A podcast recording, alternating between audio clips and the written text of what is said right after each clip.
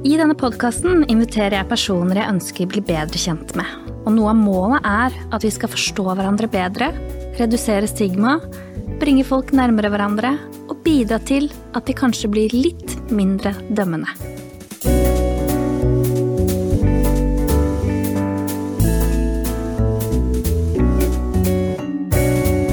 Du lytter til Snakk med Silje. Ja, Einar Øvrenge. Ja. Så fint at du kunne komme hit i dag. Hyggelig å bli invitert. Ja, for jeg så jo egentlig Ja, i 2020 var det jeg begynte å legge merke til deg. Ja. Da, hadde du, da skrev du en del. 14. mars omtrent. Ja, ja. ja, jeg begynte å skrive en del da. Det, det, bakteppet var jo det som skjedde som var ganske dramatisk, ikke sant. 12. mars 2020. Hvor eh, Og min bakgrunn er jo at jeg har jobbet litt forskjellig innenfor filosofien, men en del, del med politisk filosofi. Uh, så jeg har aldri vært sånn at jeg ikke mener at det var en epidemi eller pandemi eller noe sånt noe. Så for meg så har hele tiden vært Er dette den riktige måten å gjøre det på? Ikke sant? Og, og på å si litt sånn kost-nytte-tenkning eller forholdsmessighetstenkning. Hva, hva innebærer dette politisk? For jeg hadde en sånn oppfatning at våre politikere fikk smake på forbuden frukt i et demokrati. Ja. Og det er å, å si, utøve makt ved befaling, ikke sant, istedenfor ved å argumentere og diskutere med opposisjonen og ikke sant, frem og tilbake. Så ble det rett på, og det var Til slutt så fikk vi i prinsippet en regjering som lagde lover, og ikke et storting som lagde lover. Og da bryter man maktfordelingsprinsippet, og det er veldig alvorlig i et demokrati. Og veldig mye aspekter ved det da, som jeg, som jeg liksom begynte å drodle rundt. For jeg, min måte da, å håndtere å være i en situasjon jeg ikke forstår, er å skrive meg gjennom det. da. Så etter hvert så fikk jeg kontakt med del andre som drev med akkurat det samme. Eh, Noen andre, eh, Hans Petter Grave juss og Mette Karlagre medisin og sånt, og så begynte vi å diskutere. Og det var ingen som var spesielt konspiratorisk eller mente at det ikke foregikk en pandemi. sånt, bare sånn ut fra et perspektiv, medisinske perspektivet, juridiske perspektivet, det etiske perspektivet. Hadde ingen psykologer der, da. Nei. Det kunne sikkert ha. I stedet så prøve å diskutere oss frem eh, hva foregår egentlig. Ja, så bra. For det er litt sånn det å snakke sammen. For da fikk vi jo egentlig beskjed om at vi skulle sitte på hver vår tue og ikke møte hverandre. Liksom. Helt sikkert. Og det er en annen ting som jeg reagerte på. Det er jo, jeg er jo veldig påvirket av en, filosof som heter Hanne Arendt. eh, Og hun har jo noen analyser av det politiske hvor hun viser at eh, det kan finnes understrømmer under demokratiet som går mer i både autoritære og totalitære retninger, uten at det, er, det kan være et fullstendig fungerende demokrati. Og det er ikke noe kritikk av verken Norge eller norske regjeringer, men det ligger der som en mulighet at eh, eh, sånne understrømmer kan komme litt i overflaten innimellom eh, i forskjellige typer situasjoner. Spesielt krisesituasjoner, egentlig. Eh, og hvordan man håndterer det, og dette å f.eks. Eh, holde folk fra hverandre. Eh, altså da oppløser du det offentlige rom, på en måte. Eh, det å hindre folk å gjøre de daglige tingene. Det å nekte barn å gå på skolen. eh, Det å nekte voksne å drive virksomheten sin. Det å gjøre det vanskelig å møtes. Det å eh, stenge kirker, ikke sant. Det var bare ett sted de ikke greide å stenge, altså. Der satte vi streken. Vinmonopolet. Ja, ikke sant. ja, det sier jo litt om hva, De prøvde å holde en halv dag eller noe sånt, og da fant de ut at det går ikke. Da blir det revolusjon. Ja. Ja, nei, for jeg, jeg tror den første kronikken jeg leste du skrev, det var jo i tror det var i september 2020 eller noe sånt. Å nei da, det var 15. mars 2020. Ja, ja, ja, det var første jeg leste. Ja, men, men- eh, ja. Ja, ja. men hva var det du skrev da? Eh, I mars tror jeg kanskje 2020 da skrev jeg at eh, jeg tror den het, det var i Aftenposten tror jeg, at pandemien er åpenbart farlig, men det er håndteringen av den også. Ja. Altså det var hele poenget. Hva og da var jo dette, Folk var litt sånn undrende på den tiden der, så jeg fikk jo besøk av Kveldsnytt, og de gjorde et opptak om det og sånt, og så det var ikke, det var ikke, plass, det var ikke gitt noen posisjoner, altså hvis du mente det var ikke politisert ennå, da. Nei, ikke sant. Så sa jeg at eh, eh, jeg tror jo på ingen måte at regjeringen forsøker å begå statskupp, men Mm. dette er et svært autoritært grep. Ja. Og der kan være vanskelig å få den tannkremmen tilbake i tuben. Både at politikerne venner seg til det, men ikke minst at befolkningen venner seg til det. Mm. At det skal For jeg sa at hvis noen hadde fortalt oss for et halvt år siden at uh, helseministeren skulle nekte deg å dra på hytta i påsken, så hadde du tenkt at det er bare tull. Går ikke an. Ikke? Nei, nei. Men så begynner man å venne seg til det, så, så begynner det å bli en slags mulighet at politikerne kan ha den makten over oss. Uh, og det tror jeg én ting. Er det, fungerer det uh, rent sånn uh, smittevernsmessig? Det er jo et medisinsk spørsmål. eller er det og selv om det fungerer smittevernsmessig, kan man fortsatt si at ja, det er politisk problematisk. ikke sant? Fordi et demokrati er, er, åpent, og et åpent samfunn er farlig. Det kan skje ting med deg. Prisen for å åpne samfunn er at det er farlig. ikke sant? Og så er det hvor farlig. Og da tenker vi at ja, vi skal finne en balanse. Ja. Og jeg tenkte at det, Jeg syntes det så ut som en ubalanse. Og så begynte jeg å diskutere med folk som f.eks. Mette Karlager, som drev med effektforskning, og som sa at ja, stenge skoler, for dette har vel kommet anbefalinger på tidligere, tilbake fra 2007-2008, hvor på nasjonal og internasjonal forskning at det har ingen funksjon. Har, det fins ikke noe. Nei, og FHI var jo egentlig imot det et mindre, ja, eller ja, sa at det ikke hadde noe for seg. Ja, og samme masker, f.eks. Ja. Masker fungerer absolutt godt i operasjonssaler og dråpesmitte og sånt noe. Mm. Eh, og da sant, altså, så begynte jeg liksom å reflektere rundt eh, hele den, den biten der, da. Eh, og da det blir altså, Hva er det som foregår? Driver og venner oss til ting autoritære. Mm. Eller som han Arendt ville si, totalitære, for det er en ja. annen type Du kan si at demokrati er ikke så trua til autoritære, for vi har lover og regler. Ja. Det. Eh, det var Mussolini introduserte begrepet totalitært. Han ble aldri totalitær selv. Autoritær, det har du en diktator som herser med befolkningen sin. En god, gammel, kjent modell for politisk styring. Mm. Og så, og så slåss befolkningen imot, og så til slutt så tar de rotta på diktatoren. Som de gjorde med Mussolini, hengte han på mm. torget. Mm. Men det totalitære, da forsøker du ikke å styre over befolkningen din, du forsøker å styre gjennom befolkningen din. Ja. Det vil si at du får befolkningen til å kreve mindre frihet og mer kontroll. Og hvordan gjør du det? Ved å skremme dem. Ikke sant. Ja. ja. Og da kan du si at du trenger, i ytterste instans så trenger du ikke en diktator. Nei. Konformiteten av hele presset fungerer godt nok. Mm. Og, jeg, og det, var den, jeg var ikke at jeg tenkte at vi var der, men så, dette er sånne ting som f.eks. Hanne Arendt diskuterer, når mange mennesker begynner å tenke at ja, det er, det er riktig at, uh, at politikeren skal bestemme hvor mange jeg skal ha på besøk til middag. Det, det, høres, det høres, rimelig ut at uh, politikeren bestemmer om jeg kan få reise til hytta mi. Helt uavhengig om det er lagt frem gode, gode bevis for at dette har gått smittevern. Og dette var jo Mette Karlagers poeng. Mm. Dere må legge frem tallene. Dere må faktisk vise tallene for forholdsmessighet her. At når vi gjør sånn og sånn, så sparer vi så og så mye innleggelse og så mye liv og sånt. Mens Direktoratet sa nei, det er forholdsmessig. De la ikke frem noe tall. De la aldri frem noe tall. Nei, nei, fordi de skal vel gjøre en vurdering, og de skal jo dokumentere den vurderingen som har blitt gjort. Smittevernloven krever at de gjør en vurdering, og det er ikke bare å si at vi har gjort en vurdering. Da nei. skal du frem noe tall, så kan du si at de tallene kan kanskje være dårlige eller utilstrekkelige, men det er det vi har. Men ok, fint, men de skal frem, og så må vi regne på det. Det er omtrent som å si at ok, det dør 100 mennesker i trafikken i Norge hvert år, pluss minus. Og, og, hvert eneste tilfelle der er jo en, en tragedie, uten tvil. Eh, vi kunne fått et tall ned i fem eller null ved å ta mm. bestemte grep, f.eks. For forby bilisme eller, eller, plombere alle bensinmotorer så ikke noen av de går fortere enn fem km i timen, så har vi jo tatt, så har vi ordna det. Mm. Det gjør vi altså ikke. For det er ikke forholdsmessig, tenker vi. Altså, Nei, det, vil, det vil ha noen konsekvenser i andre enden. Ja. Altså, den balansen er vi ute etter i åpne samfunn. Det er farlig å være i et åpent samfunn. Ja. Så, uh, så, det er klart at hvis du ikke vil bli utsatt for noe som helst, så kan du låse deg inn i et skap under trappa og tilbringe tiden din der. Men det er farlig det også, ikke sant. Ja, og det er jo noe med det at vi kan jo, vi kan jo skade folk mer ja. enn vi hjelper de ved en del tiltak. Da. Så det kommer an på hvilket perspektiv. Sånn som jeg som psykolog. Helt klart. F.eks. Eh, skolevegring ja. og barn. Ja. Eh, eh, depresjon, ensomhets Eh, opplevelser. Selvmord, jeg vet ikke hvordan statistikken ser ut. Eh, jeg har hørt litt forskjellige versjoner. Eh, andre helseproblemer. Ting henger jo litt sammen. Mm. Vet vi noe om det? Ja.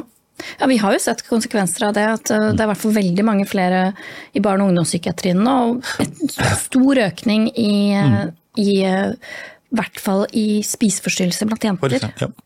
ja, ikke sant. Og det er sånne type sammenhenger. Så kan det jo, det som er alltid vanskelig i vitenskap, si at det er en kausalitet her. At det ene er årsaken til det andre. Men hvis det er en samsvar i tid, da, så Ja. er det nok til at, at man blir bekymret og sier at har det noe med hverandre å gjøre.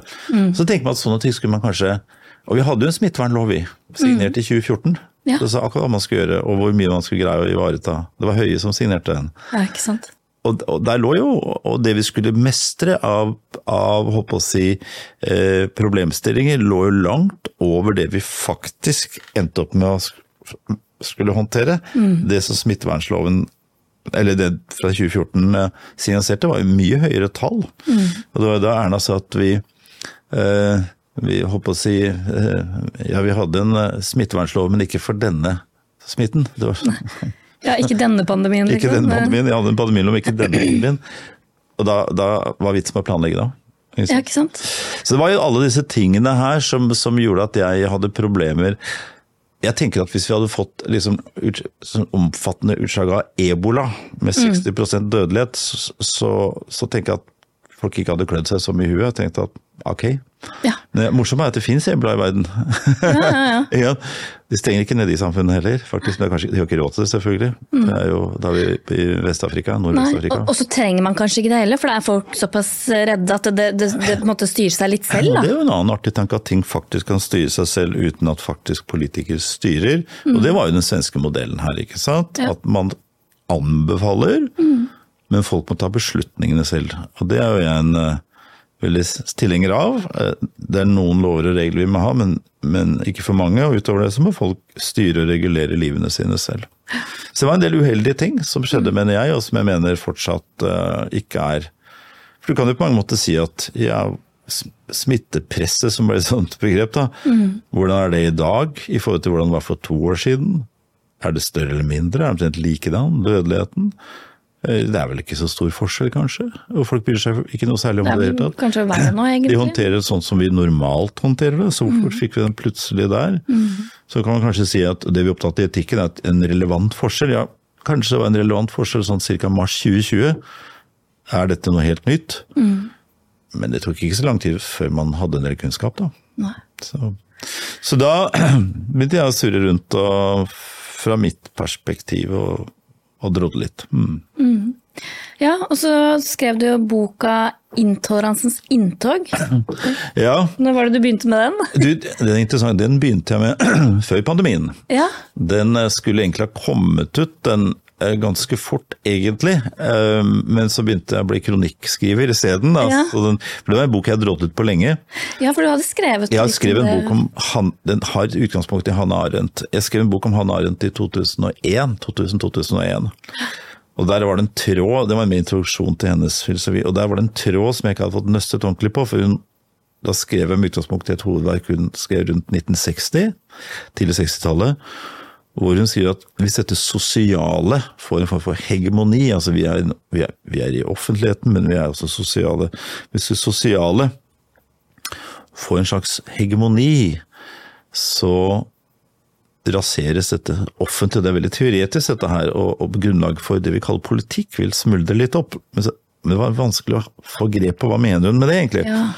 Men mediene er jo vanligvis en bærer av det offentlige. Mediene er liksom selve offentligheten.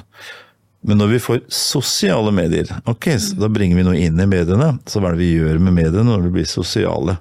For ellers kunne vi bare kalt det medier, men vi gjør ikke det. Vi kaller det sosiale medier. Og da tenkte jeg ok, men nå kan vi forsøke oss å vurdere om det hun sier stemmer, fordi nå blir dette sosiale aspektet. Og det sosiale aspektet det fanges ganske godt opp i noe så enkelt som at når du skal gi din tilslutning til noe, så liker du det. Ikke sant? Den gamle tanken eh, i offentligheten det er at hvorvidt jeg liker noe eller ikke, eller liker noen eller ikke, er irrelevant for hvorvidt jeg kan være enig eller uenig med dem. ja, ikke sant? Ikke sant? Det er Voltaire, ikke sant? Jeg er dypt uenig i hva du sier, og jeg vil jeg håper det slåss til min dødsdag for å beskytte din rett til å si det. Jeg må ikke like det du har å si for å beskytte retten til å si det. Men her kommer liking inn. Og da, vil si, da dukker det opp et element av skal vi si, konformitet, av si, inkludering, ekskludering, altså, altså sånne sosiale greier med venner, ikke-venner, alt sånt noe. Da får du den sosiale gruppen. Og den er eksklusiv og ekskluderende. Og da er det det eh, som blir driveren, ikke sant, for denne nye offentligheten, som ikke er eh, Og da blir konformiteten mye sterkere, ikke sant. Spill på følelser blir mye sterkere, da får du alt det som regulerer gruppen. Ja, Ikke sant? sant? Så det blir mye sånn gruppepsykologi inn i det. Mye, mye gruppe, som da blir både håper jeg det vi kaller informativ og normativ eh, eh, konformitet, ikke sant, drivere. Og så begynte jeg å tenke, ok, skal vi se om det stemmer, og så ser vi at eh, det er ikke så gærent dette her, det stemmer ganske bra det hun sier. Og da er jo det et eventyrlig verktøy, eller en eventyrlig mulighet, eller en eventyrlig fare for at disse totalitære understrømmene, som alltid bobler rundt demokrati, kommer til overflaten. Ja. Fordi da kan du spille veldig på følelser, og få folk til å øh, jeg, si, søke sammen, ekskludere hverandre. Man er ikke uenig lenger, man er krenket. Ikke sant? Og hvis noen sier noe uenig, så kan jeg ekskludere dem. Du får bygge ekkokamre. Det fins ingen offentlighet der hvor de uenige møtes. Det fins bare grupper der de enige møtes. Og så finnes det andre grupper hvor de som er enige om noe annet møtes, men disse gruppene møtes ikke, de ekskluderer hverandre. Da får du denne polar, ekstreme polariseringen eh, som gjør at det ikke er Vi diskuterer ikke lenger. Nei, det er nettopp det. Og da kan dette brukes politisk, og det skjer jo i de fleste sosiale medier. Hele grunntanken i algoritmen i sosiale medier gir deg mer av det du søker. Ikke sant? TikTok. Mer og mer av det du søker, så hele tiden det blir sterke sterke ekkokammer. Og da får du fremveksten av ganske masse sære posisjoner. Hvor folk er mer og mer opptatt av å få bekreftet sine meninger, eller Ja. utsette dem for motstand. ikke sant? Og sånn funker jo mennesker. Vi liker å få bekreftet våre meninger, vi søker jo etter det. Og så får vi få alle meninger, og da tenker jeg det gjelder også meg. ikke sant? Altså at Helt uten å være klar over det, så kan jeg begynne å like ditt og få stadig vekk bekrefta. Og til slutt så sitter man og tror at verden er- kommer til å gå under i morgen, liksom. Ja. Og da er det på tide å gå på butikken og kjøpe melk og brød, liksom. Og så ser at akkurat den, den er her fortsatt. Ja.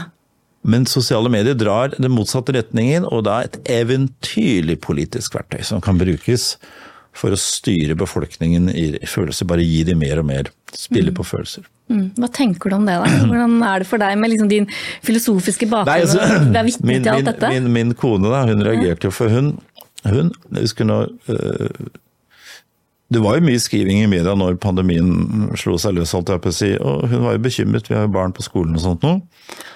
Um, hun er psykolog, da. Filosof og psykolog. Um, og da fortalte hun meg senere at jeg sto, nest, sto liksom og bare dirra midt på gulvet. ikke sant? Så, Dette er ikke bra, vi kan ikke gjøre det sånn. ikke Nei, sant? nei. Vi kan ikke frata folk rettigheter. Nei. Men vi var ganske enige etter hvert om, om å gi dette mening. Altså holde barn borte fra skolen, f.eks. Det er Mm. ekstremt Vi snakker om virkemidler her nå som er i strid med menneskerettighetene, ikke sant? Og i strid med Grunnloven og, sånt. Mm. Så, så, så det gikk veldig inn på meg at politikere skulle ha den rollen. eh, For da var det jo politisert. Politikere driver med politikk, ikke nødvendigvis vitenskap, for å si det sånn. Og denne, Vi fikk denne fremveksten av tanken om at vi skal tro på vitenskapen. Vitenskapen handler ikke om tro i det hele tatt. Vitenskapen skal vi kritisere. Ja. Ikke sant? Ja, det også var en sånn- Vitenskapen tar mest sannsynlig feil. Hvis- Den har tatt mye mer feil enn å ha hatt rett, og det er en dynamisk prosess. Og det vi mener er riktig i dag, det er sannsynligvis gærent neste år. Ikke sant. Ja, og så la jeg merke til også i kommentarfeltene Det er så mye shaming. Mye shaming. Men det kommer også automatisk i sosiale medier. Eh, Det er skammingens arena, ikke sant. Altså, ikke sant? Det er ikke det at du tar feil, og det er interessant at du tar feil, og vi kan diskutere det. Du burde ikke si dette her, du burde ikke ha lov til det. Altså, du blir ekskludert da, ikke sant. Og det er det som er problematisk, for det blir det sterkeste politiske virkemidlet. Så er vi ferdig med diskusjonene. Vi, er, vi driver ikke og diskuterer lenger. Enten er du innafor, og da er du akseptert.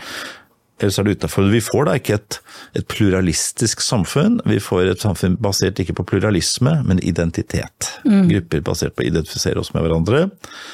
Og disse gruppene som har sånne felles identiteter, de møtes ikke. Nei. De bare skammer hverandre. Ja, og det er det som er så interessant òg, for jeg husker jeg ble også satt i grupper som jeg ikke identifiserte meg med, ja, det hvis det gir mening. Ja, ja. At jeg litt sånn, jeg, for jeg, jeg, var jo litt sånn kritisk og stilte litt sånn kritiske spørsmål til ja, men er, vi, er det rikt, vet vi at dette er det smarteste? Ikke sant? Og da var det sånn Å ja, du er en sånn person, ja. En sånn person, ja.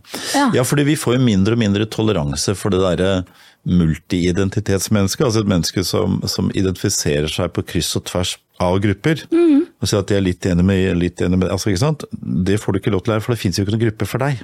Nei. Ja.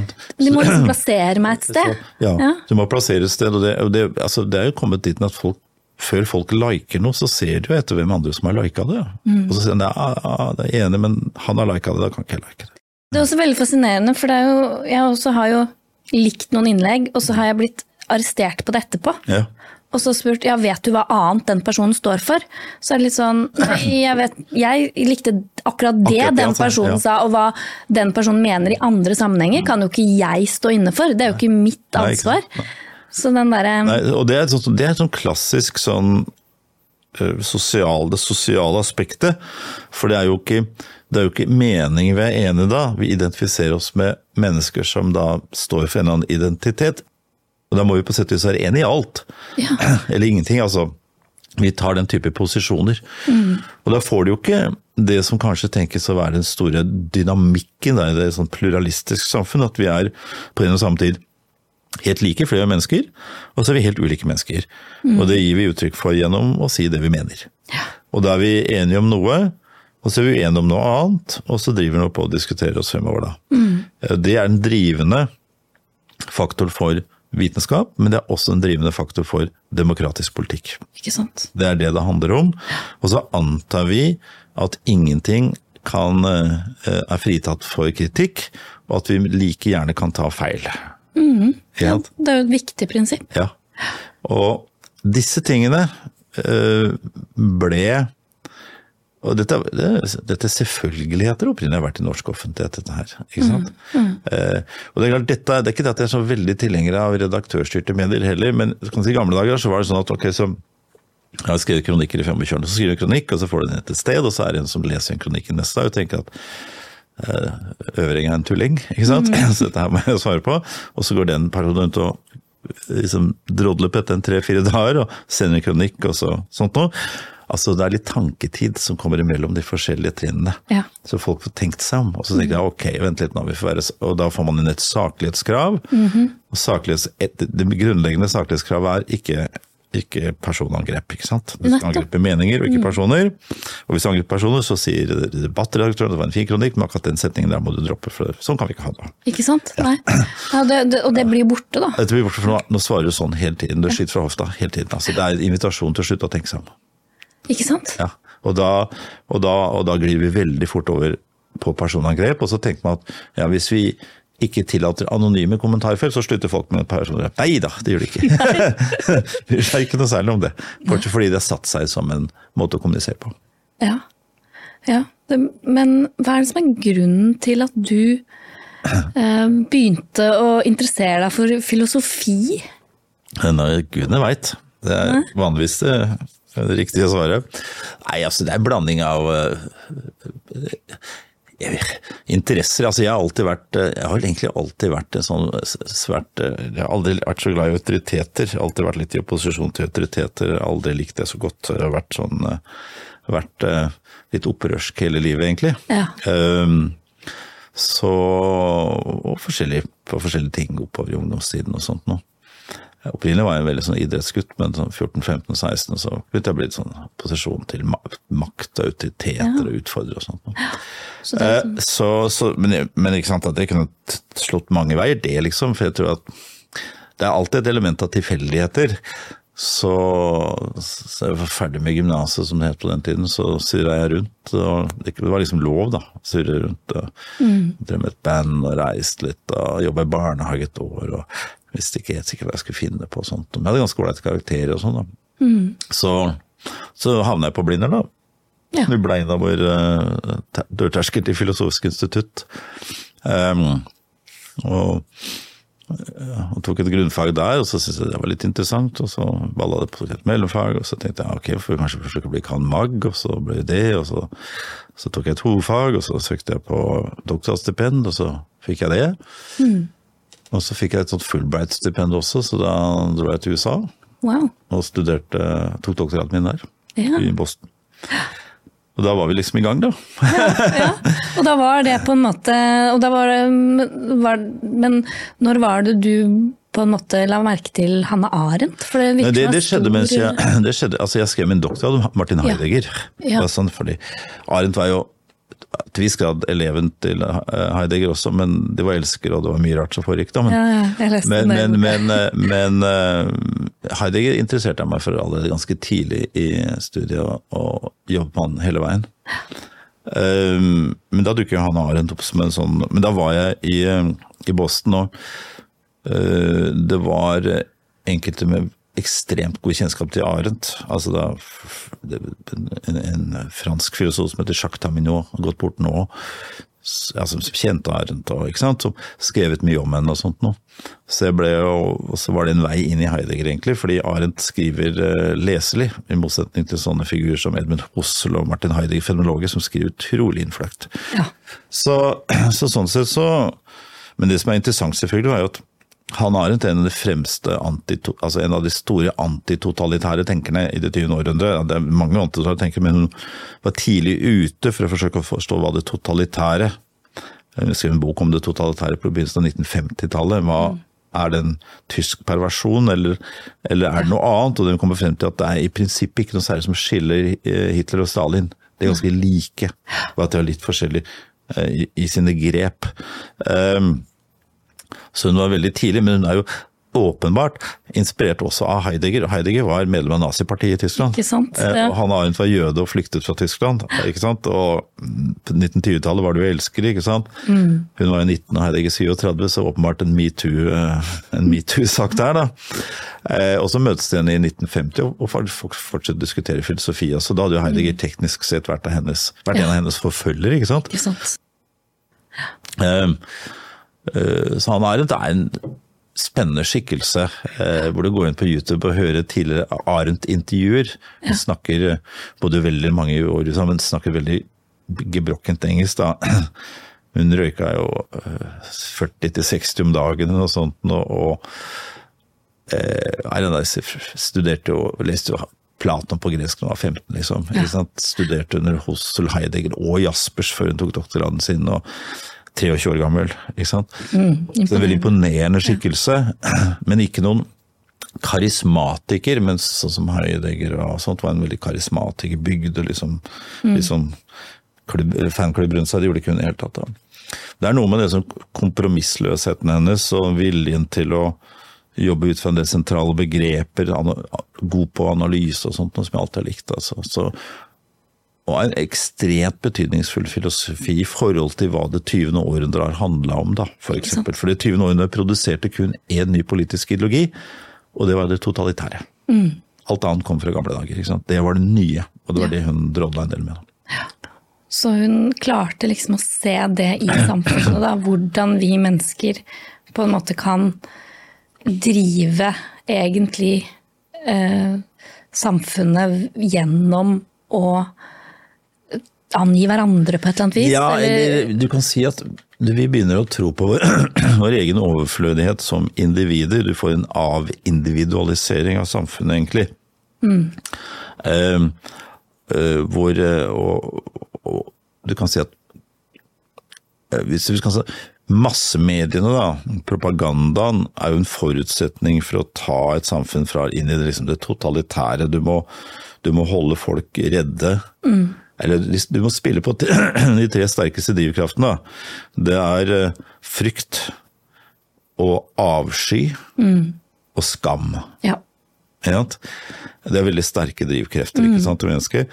Og når du gjør det tilstrekkelig, så, så, så kan du oppnå det han har en kalt tankeløshet. Folk slutter egentlig å tenke. Det er ikke sånn at de ikke greier å legge sammen to og to og finne veien hjem, men de slutter å reflektere over bør vi gjøre sånn? ikke sant? Og du etablerer konstante unntakstilstander, kriser. I dag lever vi Alt er jo kriser i dag, ikke sant? Det finnes bare kriser. Eh, og det er å holde Nå sier jeg ikke at noen gjør det, og det som han har hans poeng er at det er ikke sånn at noen må gjøre det, men dette kan skje allikevel. Nettopp. Når du begynner å åpne opp for det. Ja, for du trenger liksom ikke nødvendigvis ha en agenda Du- du- med noe, på en måte. Det er bare noe som skjer. det er noe som skjer, er det noe som beslutta. Når du ser værkart over temperaturen i Europa i dag, så er de røde. På gamle dager var de grønne, men det er de samme temperaturene. Ja. Det er litt kjøligere i dag, holdt jeg på å si. Nei, men, sånn. Ja, jo, jo. Ja, men det, det er den derre eh, kris, krisen som en, som en driver som ligger der hele tiden. Og da er det lettere også å få en del politiske gjennomslag, for du, altså, du kan ikke drive og protestere nå når det er krise. Uansett hvilken krise det er. Du kan ikke drive også og etterspørre begrunnelser, og det var jo liksom også pandemien tidligere. Altså, vi kan ikke drive med, med sånne begrunnelser og, og, og den slags nå, for nå er det krise. Nå må vi bare dure av gårde. Ja. ja, nå må alle være enige, Nå må liksom. vi være enige. Og det er klart at det er en del politisk makt som er lettere utøvd når de slipper unna noe av det viktigste i politikken, nemlig opposisjonen. Og du kan si at i prinsippet det vi erfarte under pandemien, det var at den første statsmakt den, den ble fullstendig marginalisert, altså Stortinget. Lovgivende organet hørte omtrent ingenting derfra. Det var regjeringen, den annen statsmakt. Det var de som styrte. Og det skal de ikke ha noe av. Ikke sant? Nei. Men det var det du fikk noe av, og, du, og de styrte veldig på å spille på følelser. Altså, helseministeren sto og, kjeftet på den norske befolkningen fordi den hadde latt seg smitte av et luftveisvirus. ikke sant? Det er spesielt. Som om det er mulig å beskytte seg. Har ikke det vært det store prosjektet de siste jeg vet ikke hvor mange årene, at, at luftveisvirus er det vanskelig å beskytte seg mot? Sant? For, altså, det, man har ikke fått det til. ikke sant? Man, sesonginfluensaen osv. Man får det ikke til. altså Folk blir syke av det. Ja, ja. Uansett, den, den, den bæres gjennom lufta. det vanskelig å beskytte, og, og, og det blir jobba veldig moralsk. vet du. Mm. Meteren og pekefingeren Ja, ja. og, og stramme opp. Og, og til viss grad så finner også befolkningen litt sånn så trøst i seg krise, så da, da får politikken det ender seg at du, politikerne blir patriarker eller matriarker, ikke sant. Den, så, samfunnets politikken blir en sånn stor husholdning med, med noen politiske figurer på toppen Ja. som slettes ikke er kompetente vitenskapelig til å altså, De fleste av de er jo broilere, for å sette det litt på spissen. De har vært politikere hele livet. De er veldig flinke til å være politikere. Det andre eh, ja, Da må du jo snakke med folk som gir de råd. Men alle som har drevet litt med vitenskap, vet at forskere er ikke helt enige. Forskjellige forskere kan gi litt forskjellige råd, mm. og så videre. Ja, og det virka som det var et problem også, da, for da måtte du liksom Hvem er det som har mest rett, eller Og, og da er det sånn at Mm. da Konsensusen er dette, og det, og det virker som at ok, da er det science settled, da. Ja. Så da kan du ikke stille spørsmål med det, og alt som Mm. på en måte viker litt fra det, blir sett på som farlig. Ja. Eller, eller feilinformasjon, eller litt sånn nei, men du kan ikke komme med det nå, for nå har jo regjeringen bestemt dette. Ja, og det, så Hvis vi kan løsrive det litt fra både pandemien og si at dette som, en politisk, eh, som et politisk prosjekt, da, at, eh, og som går ut på at du kan ikke være uenig, fordi det er skammelig, eller det er svikefullt, eller da ødelegger det for oss. Altså, ikke sant? Altså, uen, eller det er krenkende. Altså, du kan ikke være uenig. Uenighet øh, og det er veldig farlig, ikke sant. Uh, og da brukes Det er det som fungerer veldig godt på sosiale medier. For det er jo ikke et sted altså Det er masse godt å si om det, for det åpenbart demokratiserer debatten. Det er lettere å komme til orde. Så det er ikke bare elendighet. Ikke? Men det er veldig lett der, ganske enkelt for folk å si at eh, jeg vil ikke ha de som er uenige med meg på min vegg. Ja. Og det kan du si, og det har du all rett i, for det er jo din vegg, så du kan, så du kan renske den. Ok, Så da utsetter du deg bare for folk du er enig med, så din, og det er det eneste du ser. Ja, så, så da tenker du at dette er jo noe alle er enig i. Ja. Du får jo ingen motstemmer. Nei, nei. Og de gamle avisene husker jeg. ikke sant? Jeg husker jeg, når jeg holdt i forskjellige aviser, hvis det er forskjellige typer kommentatorer, så var det noen kommentatorer jeg visste at hvis jeg leser dette, så blir jeg sint. ikke sant? For mm. jeg er alltid uenig i seg, og da kunne jeg bli sint. Men jeg måtte jeg slapp ikke unna, liksom. De dukka nå opp der. Jeg kunne ikke ringe til Aftenposten og si at jeg ønsker fortsatt å abonnere på Aftenposten hvis du kutter ut de tre kommentatorene her, så jeg slipper også å lese det. Så skal jeg fortsette. Men nå har jeg den muligheten. Ja.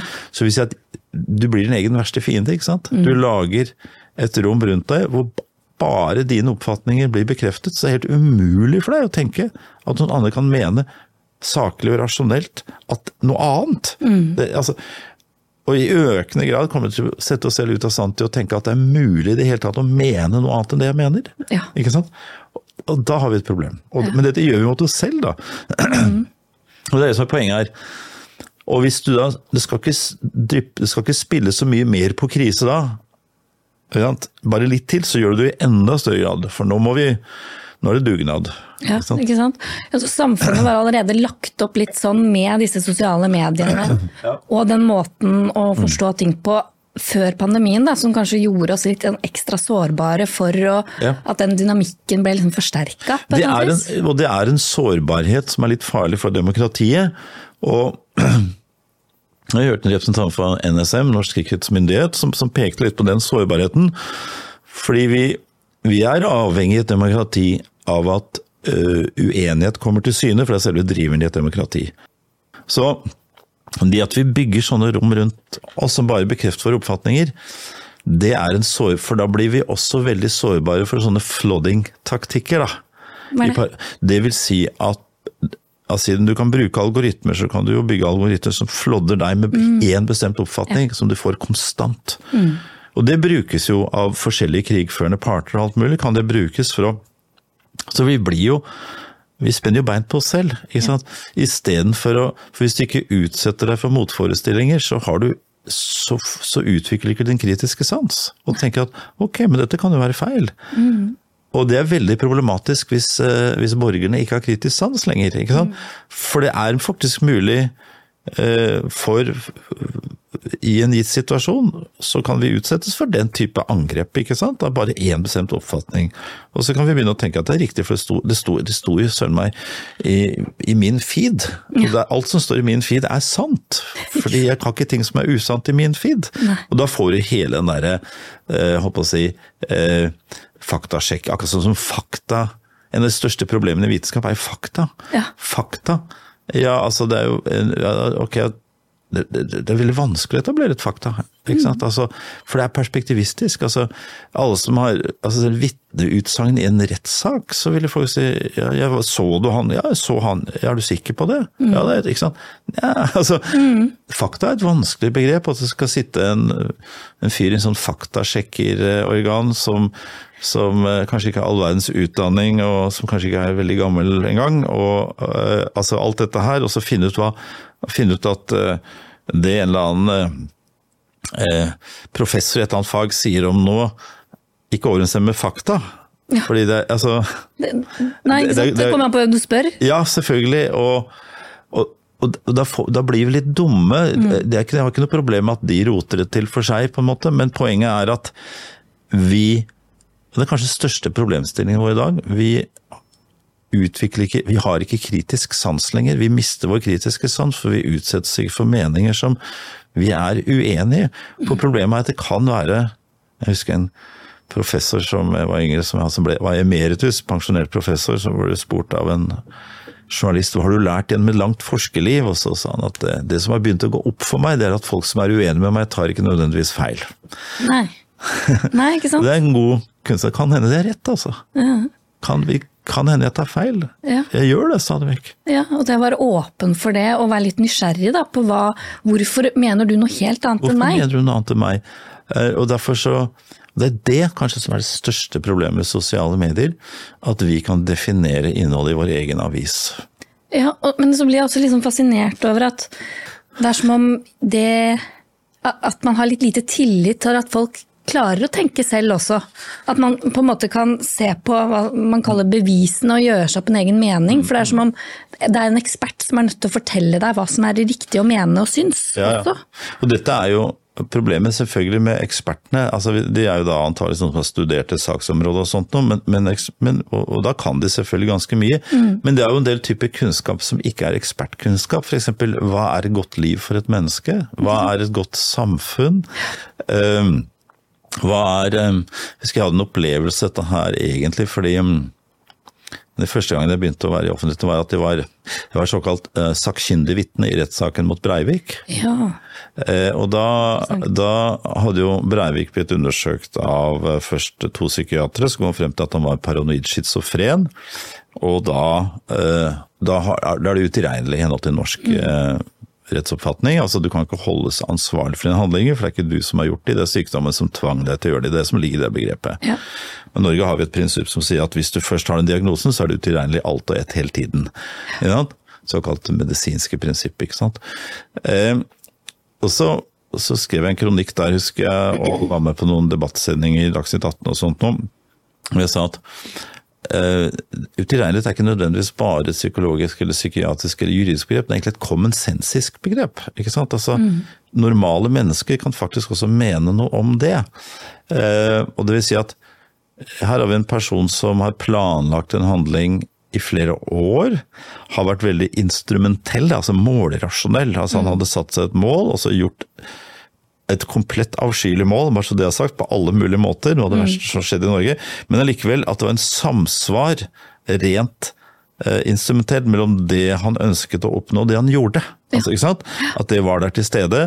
Det var ikke noe han kom på om morgenen, det var lang tids mhm. planlegging. Og det var gjennomført på samme totalt avskyelige og grusomme måte, for all del, men det var et samsvar der som som slo folk litt i øynene og si at ja, men visste han virkelig ikke hva han gjorde? Mm. Eh, altså, ikke sant? Og da er vi over på mer ting som normale mennesker kan forholde seg til. Ja. Eh, og kanskje til og med fagpersoner ikke er så gode som normale mennesker for å holde seg til for de sitter fast i en del faglig perspektiv. Og jeg var jo inne som sakkyndig vitne, for jeg hadde jobbet med politisk filosofi, spesielt jobbet med fascisme. Og mm. min oppfatning er at han, han er en fascist. Altså, det vil si at fascist Det er begreper som egentlig hører hjemme på 30-tallet, men mm. den type oppfatninger, det som type kjennetegner at de har ikke noe respekt for individets autonomi, altså en menneskes selvbestemmelse, har en forbigående nytteverdi. Mm. Uh, uh, litt avhengig av om de deler din ideologi eller ikke. ikke så, så uh, folk med den type oppfatninger har en del oppfatninger som er ganske fremmedarter for mennesker flest. Mm.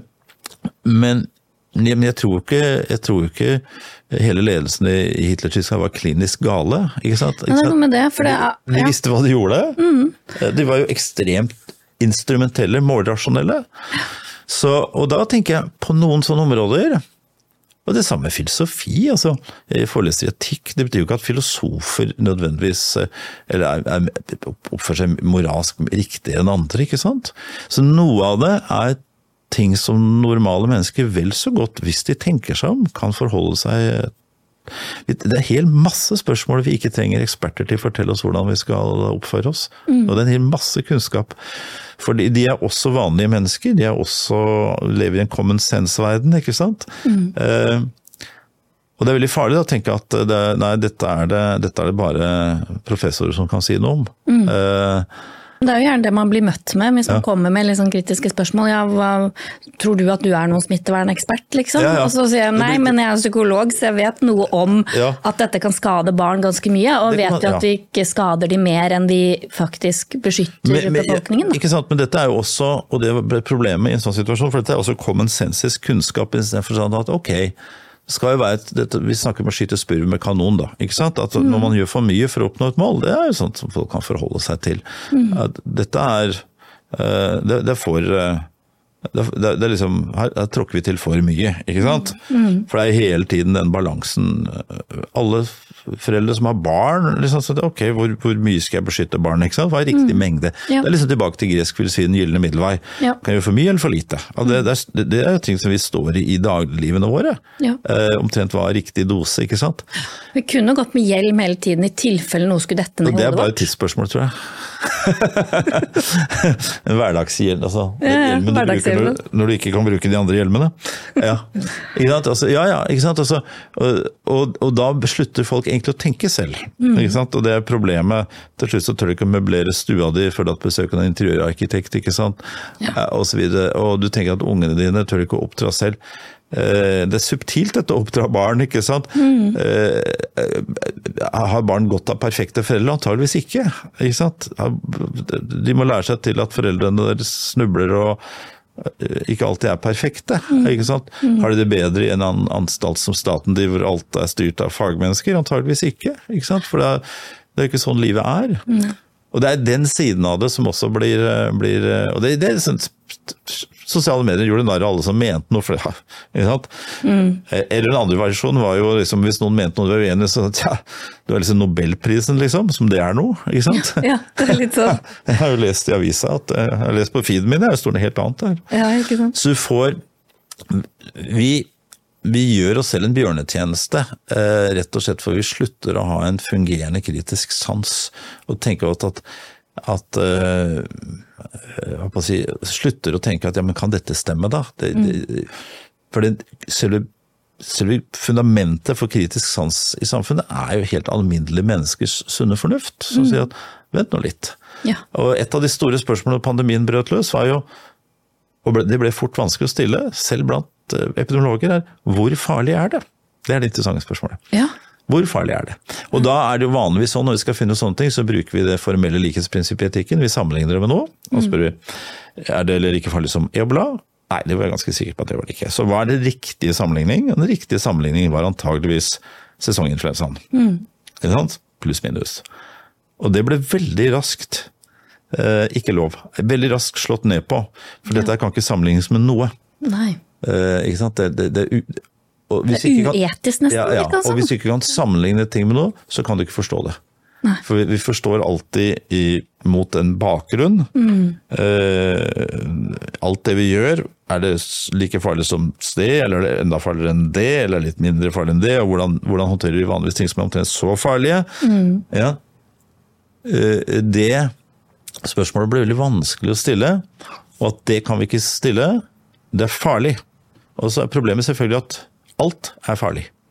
Det er bare grader av fare. Ja. Eh, du kan sikkert få 0,0001 promilles fare ved å, å sitte og se TV. Altså? Altså, TV kan eksplodere, og du, hva vet du? Mm. Så bør vi kanskje slutte med det. Og det er det Så vi slutter å opprettholde vår evne til å vurdere situasjoner opp mot hverandre. Eh, og det var en stor, mener jeg, ugjerning som ble gjort fra politisk hold mot befolkningen. Altså at dette skal dere ikke vurdere selv, dette skal vi vurdere. ja. Eh, Svenskene det gjorde det annerledes. Ja? De sa at dette anbefaler vi, Ja. men livet leves ikke på statsministerens kontor, det leves ute i gatene. Ikke sant? Mm. Så du må jo røska litt i litt den derre uh, Hva skal jeg si den Litt sånn uh, autoritets... Uh, Det gjorde ungdommen som Ja, øh, ja, ja. Absolutt. Det er sånn det gjorde det. at øh, hvordan kan dere gjøre hvordan, Ja, hvordan kan dere være litt sånn Det er sånn overformynderi på et eller annet vis? Ja, veldig, da. veldig. At, at jeg må vel få lov til å men det som bestemme var litt ålreit, da. Jeg begynte jo da å kommunisere med noen andre som for andre øh, hold fra medisin, juss osv. Jeg hadde mange fine samtaler og skrevet ting med Hans Petter Graver og Mette Karlager og, og flere til. Og det var en annen side ved det som var litt interessant, for da kom vi fra forskjellige faghold, så vi måtte begynne å oversette litt til hverandre. Ja. Ikke sant? Ja. Det var veldig nyttig, veldig spennende. Eh, og det var jo Hans Petter Graver da, som coina begrepet smittevernstaten i en eh, Ikke sant? Og det var et begrep som fanget folks forståelse. Altså nå er vi i, vi er i smittevernstaten, vi er ikke i den andre staten, vi er i smittevernstaten. Hvor det er det grunnleggende for alle vurderinger vi tar. Eh, ikke at vi har en lov som snakker om forholdsmessighet og sånt noe, men det er det som er driveren, ikke sant. Eh, og det var spennende, og da tror jeg han fanget noe i bevisstheten til folk. Ok, ja, der er han inne på noe, ikke sant? Ja. Og, så det var ganske nyttig, da. eh, Å liksom ha den sparringen eh, der. Poenget var at ja, vi hadde eh, en epidemi eller en pandemi eller hva man ønsker å kalle det, men det var ikke noe tvil om at vi hadde noe som smitta folk og folk ble sjuke av. ikke sant? Det ble jeg også. Ja, ja, ja. Fikk delta og sleit med luktesansen etterpå. Men det er håndteringen, og at vi, befolkningen, ble satt litt på sida. Befolkningens oppgave var ikke å tenke selv, befolkningens oppgave var å være lydige. ja. Og hva tenker du om det, da? Den konformiteten vi øh, Nei, konformitet, hvis jeg sier til alltid når jeg holder foredrag at hvis du skal lese morsom forskning, så skal du lese konformitetsstudier. ikke sant? Fordi du, du, du, altså, ikke sant? Solomon Ash eller Sheriff ja. og sånt, ikke sant? fordi det er komisk, ikke sant? Ja, det er det. Ja, hvordan, vi, hvordan vi tilpasser oss grupper, ikke sant? Eh, problemet er at vi gjør det vi også, så det er ingen Ja. som ikke gjør det. Ja, ja. Så det er litt tilfeldig om du gjør det eller ikke. Eh, men vi gjør det. Eh, og på en sånn måte at vi, og oftest så kan vi ha masse sånne teorier i et samfunn vi er opptatt av, og sånt, at sånt men midt oppi det hele så er vi kjempekonforme. Og, og konformiteten har ganske gode vekstvilkår i Norge, og det tror jeg kanskje har noen demografiske grunner ved seg. at Historisk sett er, det, er Norge et land hvor det er hvor det er vanskelig å overleve i, sånn historisk sett. Du måtte holde deg inne med gruppen. Altså hvis du øh, håper å si, var født og oppvokst i sydligere strøk, så, og, og, du, og, og maten håper å si, dyrket seg selv i trærne, så vil du verken fryse i hjel eller sulte i hjel, selv om du blir utstøtt av gruppen. Ja. I Norge vil du sulte i hjel og fryse i hjel Ja. hvis du blir utstøtt av gruppen. Så vi, det å holde seg inne med gruppen har nok vært et viktigere prosjekt i Norge. Det vil si at nordmenn vi typisk, vi har jo en grunnlov som er et ektefødt barn av, eh, av frigjøringsrevolusjonene på 1700-tallet, franske og amerikanske. Men vi har også ganske strenge sosiale normer i Norge. Ikke sant? Janteloven. Ja, ja, og de uskrevne tingene. Eh, og det vil si at nordmenn er ikke et protesterende folk. Eh, eh, det er med mindre de holdt på å si begynner å tukle med femmileren og sånt. Altså, altså, noen får unntak, men jevnt over er vi ikke det. Eh, vi tenker, og vi har veldig stor tro på politisk styring i Norge, og, og nordmenn tror fortsatt ganske overbevist at de folkevalgte vil oss det beste. Og så kan man si at eh, nei, altså, de bør møtes med skepsis, de også. Um, for i Norge i dag å være folkevalgt er en karrierevei. Eh, det er et springbrett, ikke sant. Eh, eh, så, så, så de har makt, og makt bør utfordres, selvfølgelig. Ja. Mm. ja, det er jo også eh, medienes Hva skal jeg si De redaktørstyrte medienes oppgave også, da. Å være Mm. Ja, Hvis du går sånn til Vær kritisk. varsom-plakaten, så er det jo det. Ikke sant? Helt åpenbart. Men det er jo litt søtt, da. Det er vel nesten ingen av de som ville ha gått i pluss hvis de ikke fikk eh, pressestøtte. Så, eh, Det vil si, her snakker vi om penger fra den utøvende myndighet. Mm. Eh, og så kan vi si at nei, men det vil ikke påvirke deres vurdering i det hele tatt. Alle andre sammenhenger så tenker vi at økonomiske bindinger påvirker, bortsett fra, Mm. bortsett fra norske medier. De blir ikke påvirket av økonomiske bindinger. Nei, og det er også litt fascinerende, fordi de som da ikke er, får pressestøtte, de blir jo sett på som alternative og ikke like kredible. Nei. Så det også er liksom Det, fascinerende. er- det har jo, jeg har jo bodd mange år i USA. Hvis jeg har sagt til en amerikaner at vi har et nyhetsorgan her nå som får penger direkte fra det executive, altså direkte fra White House, så er de ekstra til å stole på. Så vil de fleste amerikanere holde seg for nesen også, ikke sant. De sier at nei, da skal jeg i hvert fall være på vakt. Ja, Ikke ikke sant? Eh, nei, så vi har en sånn tro på i Norge at, at, at ikke våre maktposisjoner eh, befolkes av mennesker som har egne interesser, som har egne agendaer, som, som, som har en. Altså alt det som selvfølgelig gjelder i alle andre sammenhenger, også innen politikken. Og at økonomiske bindinger ikke eh, slår ut. Eh, du kan si, nei, Det er jo ikke sånn at statsminister ringer til redaktøren av VG og hører nå skal du skrive sånn og sånn. Nei, men det er jo ikke sånn bindinger fungerer. Nei, det er nettopp det. Ja. Men det er litt sånn fascinerende, fordi det derre begrepet konspirasjonsteoretiker har jo, er jo litt sånn eh, er jo noe vi har sett veldig mye av de siste årene. Mm. Og bare det du sier nå, kan jo på en måte gjøre at du havner litt i den der båsen. Nei, det tror jeg ikke. Det nekter jeg å gå med på. Ja, sant. Ja, fordi, det- fordi poenget er at dette er, dette, dette, dette, dette, er, kunnskap som vi kunne ha diskutert eh, tre år før pandemien. Altså, ikke sant? Det er, jeg har jobba veldig mye med etikk i arbeidsliv og næringsliv. En av de tingene man er mest opptatt av da, og spesielt knyttet opp til bestikkelse, smøring og korrupsjon, Mm. det er økonomiske bindinger. Nettopp. Økonomiske bindinger er problematisk. Jeg sier ikke at de, av den grunn så bør det ikke være pressestøtte. Nei. Nei, nei, godt være det. Men vi skal være klar over da, Nettopp. Eh, at, at det er, du etablerer bindinger også, ikke sant? Eh, og så kan du si at ja, men eh, i Norge så er det ingen som preges av sånne bindinger. Nei, det er fint om du kan legge frem noe forskning på det, da. Ikke sant? For det er sånn vi understøtter eh, den type oppfatninger. Ja. Eh, og, og da må jeg bare si at ja, så kan si, jo, men det kan godt hende totalt sett vi fortsatt bør ha presset Norge. Vi er et lite land, vi vil ha et mangfold av medier og sånt, så for all del. Men, ikke sant. Hvordan står det seg i forhold til verdigrunnlaget for norske medier, som er definert i Vær varsom-plakaten? Kan det være mulige konflikter? Kan vi se for oss muligheter for konflikter? La oss si at det var et annet land, da. Hvor man hadde, ville vi kunne sett for oss mulige konflikter gitt den situasjonen der. Og hvis vi ser for oss, ja, må vi være litt mer bevisste på det. Ja. Eh, det, det krever egentlig ikke noe mer enn at eh, samme faktasjekkinstitusjon. Faktasjekkere er jo ikke noe nærmere fakta enn hvilken som helst annen person. Nettopp. Det vil jo bare være et nytt medium, et nytt massemedium, en ny avis. Som Ja. også er eh, altså, og, de, og, eh, Så de har jo ikke noe større tilgang på fakta, de, enn enn noen som helst andre. Og her er vi inne på et fagfelt som er liksom human, humanioras store fagfelt, og det kaller vi altså hermenøytikken. Altså hver gang du forstår noe, så, er, så er du aldri uskyldig. Du bærer alltid med deg en førforståelse, du bærer alltid med deg en fordommer og forventninger, en forståelse og sånn, som preger det du ser. Altså, Observasjoner er teoriavhengige. Du ser ting du forventer å se. Selv innenfor naturvitenskapen, den strenge vitenskapen, eh, så ser man at, at eh, data, observasjoner, er teoriavhengige. Det påvirkes av de teoriene du allerede har. Så, så, så dette, dette, er bare, dette er ganske allmenn, ukontroversiell kunnskap. Ja, og det er nettopp det jeg også tenker. Og da syns jeg det er så fascinerende hvor lite som skal til før man blir utsatt for litt den der hersketeknikken at å ja, du er en sånn konspirasjonsteoretiker du, som tror at mennesker kan være styrt av økonomiske bindinger.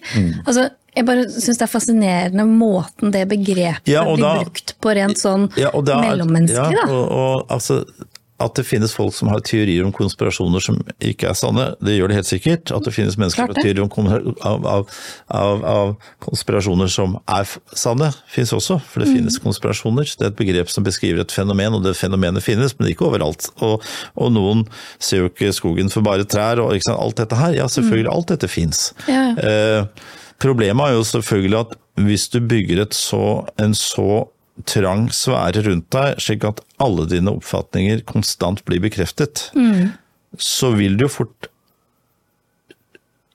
ikke være i stand til å tenke seg at en person jeg er enig med i den saken her, kan jeg være uenig med i den saken her. Du mister den evnen. Så tenker du her er snakk om å holde gruppen samlet. Så av den grunn så vil du da være forsiktig med hva du liker. For det kan være noen som har lika det som ikke du kan bli sett sammen med, ikke sant. Du er forsiktig med hva du mener i visse sammenhenger. Til og med forsiktig hvor du skriver det. Vanligvis før så vil man bli kritisert fra det man skrev. Vi har gått fra å være eh, tekstkritiske, eller altså utsagnskritiske, til å være eh, at selve kilden smitter. Altså hvis du, hvis du sier noe et bestemt sted, Ja. selv om man si, du, du tenker at da har du plassert deg, f.eks. Ja. Og det er Mens normalt sett så vil man jo si at jeg kan finne ting jeg er jeg er antageligvis i stand til å finne ting jeg er enig med hos alle politiske partier, og ting jeg er uenig med hos alle politiske partier, sånn røffelig, vil jeg tro. Og fortsatt vil det være en del ting som ikke politiske partier, var ikke med. Altså, ja. Og så skal man forsøke å stemme på et av disse her partiene ved en anledning, det er jo vanskelig, men, men man mister også den evnen. Og man tenker at, uh, at, at det er Altså det, det, man, man får utrolig merkelig syn på mennesker. altså et sånn Veldig endimensjonalt syn på mennesker. Ja, for det er den der stemplingen. Så fordi du sa det der, så kan jeg ikke høre på noe av det du sier. For de andre som også har skrevet der, har ment noe, Noe annet, ja. som var litt kontroversielt, som Ja. jeg ikke støtter. Så da kan jeg ikke Ja. lese noen ting av det som står der på en eller annen måte. Eller da Nei, kan jeg ikke høre på noen av de som har skrevet noe der. Og det blir Ja. veldig sånn kategorisk. Nei, og det er jo klart at Jeg mener jo at det er et resultat av hvordan, hvordan mediene, når de har blitt sosiale, for da er det snakk om identifisering. Det er ikke snakk om det er ikke pluralitet, men det er identitet som Ja. styrer. Pluralitet så forutsetter jeg at uh, vi er uh, vi alle bærer den samme autonomien, vi har den samme egenverdien, den samme verdigheten, og så er vi rett og slett uenige om ting, og det kan vi gi uttrykk for. Eh, og så er spørsmålet tåler vi toleranse kommer fra to tolerare, det å utholde. Så jeg ofte si at hvis du ser på deg selv som veldig tolerant, så er det veldig mye du ikke utholder. Ja, ikke altså, det starter jo med at du har en negativ reaksjon på noe. Det er toleranse. Mm. Det krever jo ikke noe utholdelse å tåle ting du er enig i. Nei. Så, så, så du møter noe du er sterkt uenig i, uttrykk, verbalt eller visuelt, eller hva det måtte være.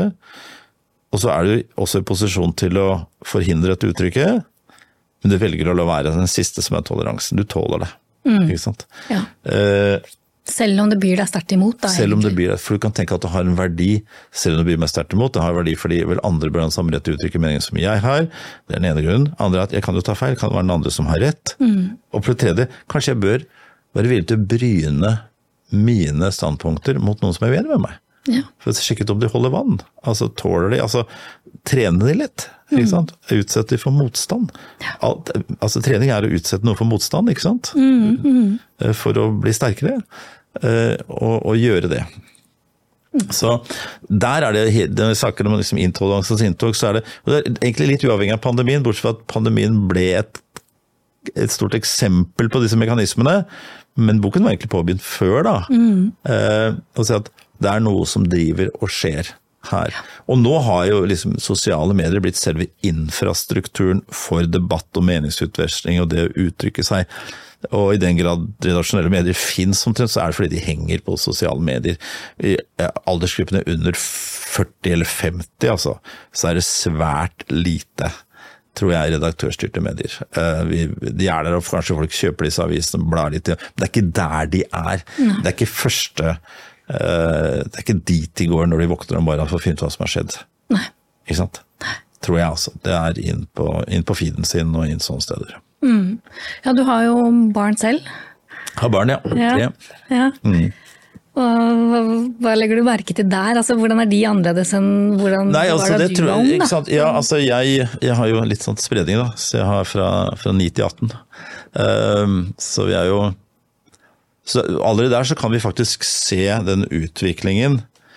Hun på 18 kan jo faktisk til en viss grad forholde seg til en verden hvor smarttelefonen ikke eksisterte. Sånn vagt minnes om at eh, man kunne eh, se filmer på DVD, altså masse sånt noe. Ikke sant? Eh, At den verden eksisterte. For smartphone, når den kom 2.12, 2.13, virkelig begynne å etablere seg, så får man sånn hockeystick-kurve på også at folk er alene. Ensomhet, sitter for seg selv på rommet sitt og sånt noe. Mens hun har en på 14 som er jo og har en på 9, og han er jo eh, Det er smartphonen, ikke sant. Det er liksom hele eh, Det er der det, der det skjer. Ja. Og jeg tror at de som blir født nå, f.eks. når de er 20, så, så fins det ikke noe annet. Altså, det, det, det, det, det, hva er det for noe?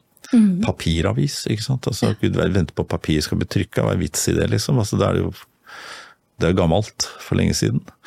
Så, så, og, så der skjer det jo noe som stikker dypere enn jeg tror i hvert fall min aldersgruppe forstår. Vi tenker at disse digitale mediene eller sosiale mediene og alt det der er et slags tillegg til verden. Vi har den gamle verden, og så er det et slags tillegg.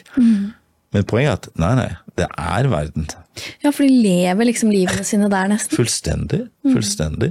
Jeg tror det gjennomsyrer så de grader alt de gjør, på et sånt nivå som ikke vi er i stand til å se nå, kanskje vi må se det om 30 år, at, eh, at det er så eh, ekstremt mye som endrer seg.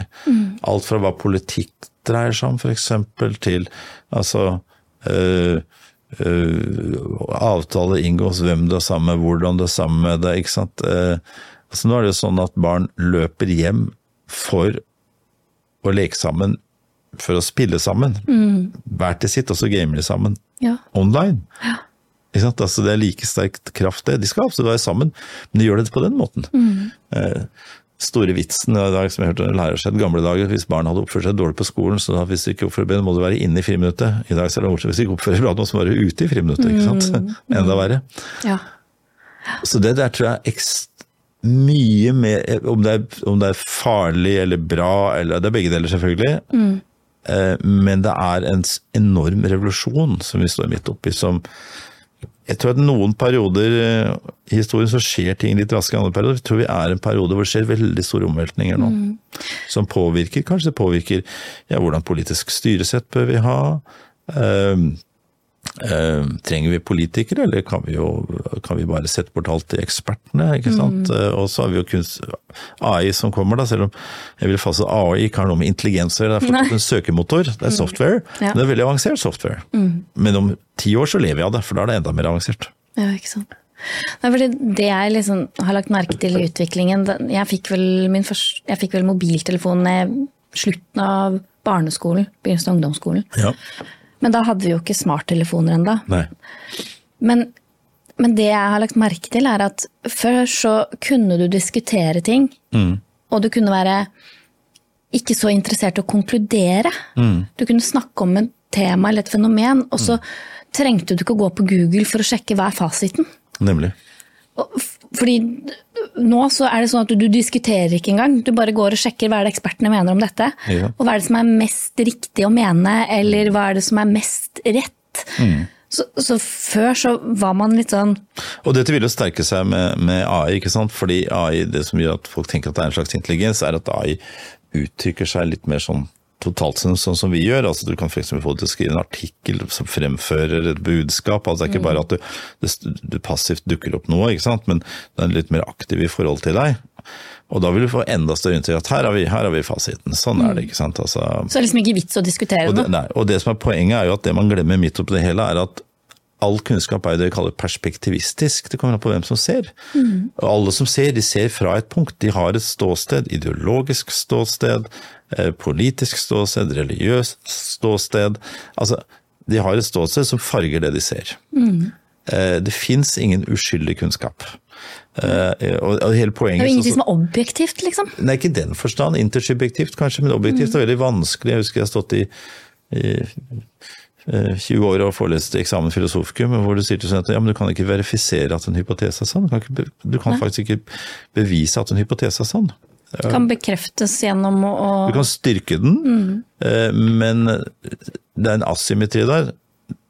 Hvis du har falsifisert den, så er den død for alt, alltid. Det- Men det om du får bekreftet den, så vil den bli stadig sett på som sterkere, men den kan fint falsifiseres en dag. Eh, og nettopp de glemmer den innsikten her som kommer fra en av de viktigste vitenskapsfilosofene, Popper, da, som nettopp også var der som en reaksjon mot litt av det de totalitære ideologiene har gjort med språkbruken vår, ikke sant? Altså hvordan, hvordan de får oss til å slutte å være kritiske, for det er ting de totalitære ideologiene på 30-40-tallet jobbet mye med. Det er, å, det er å gjøre det farlig på forskjellige måter å være kritisk. Ja. Altså, det var livsfarlig selvfølgelig under Det tredje riket, det var livsfarlig under Stalin selvfølgelig. Eh, Da var det livsfarlig fordi du kunne, noen kunne ta livet av deg. I dag er det livsfarlig ikke fordi noen tar livet av deg, men fordi du dør sosialt. Og jeg har en sånn teori på at folk er mer redde for å dø sosialt snart enn å dø. ja. Skammen er Ja, liksom ja. Og poenget er at men det å dø sosialt, du kan nok ikke gjøre noe, kan ikke hindre deg selv i å dø. Altså fysisk, så det kommer til å skje. Men du kan faktisk eh, hindre å dø sosialt. Så det fins en oppskrift på det. Det er å holde seg innafor. Ja. Så da, hvis du da overtar den frykten du har for å dø fysisk, og så overfører den til å dø sosialt, så kan du gi deg selv sosial udødelighet, men da må du være, holde deg inne med gruppen.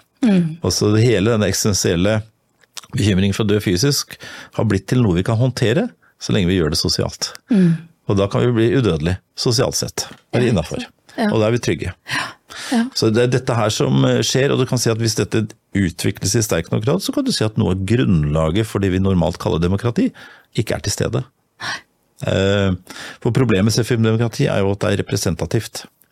Vi har, du stemmer på noen, eh, for vi kan ikke ha direktdemokrati.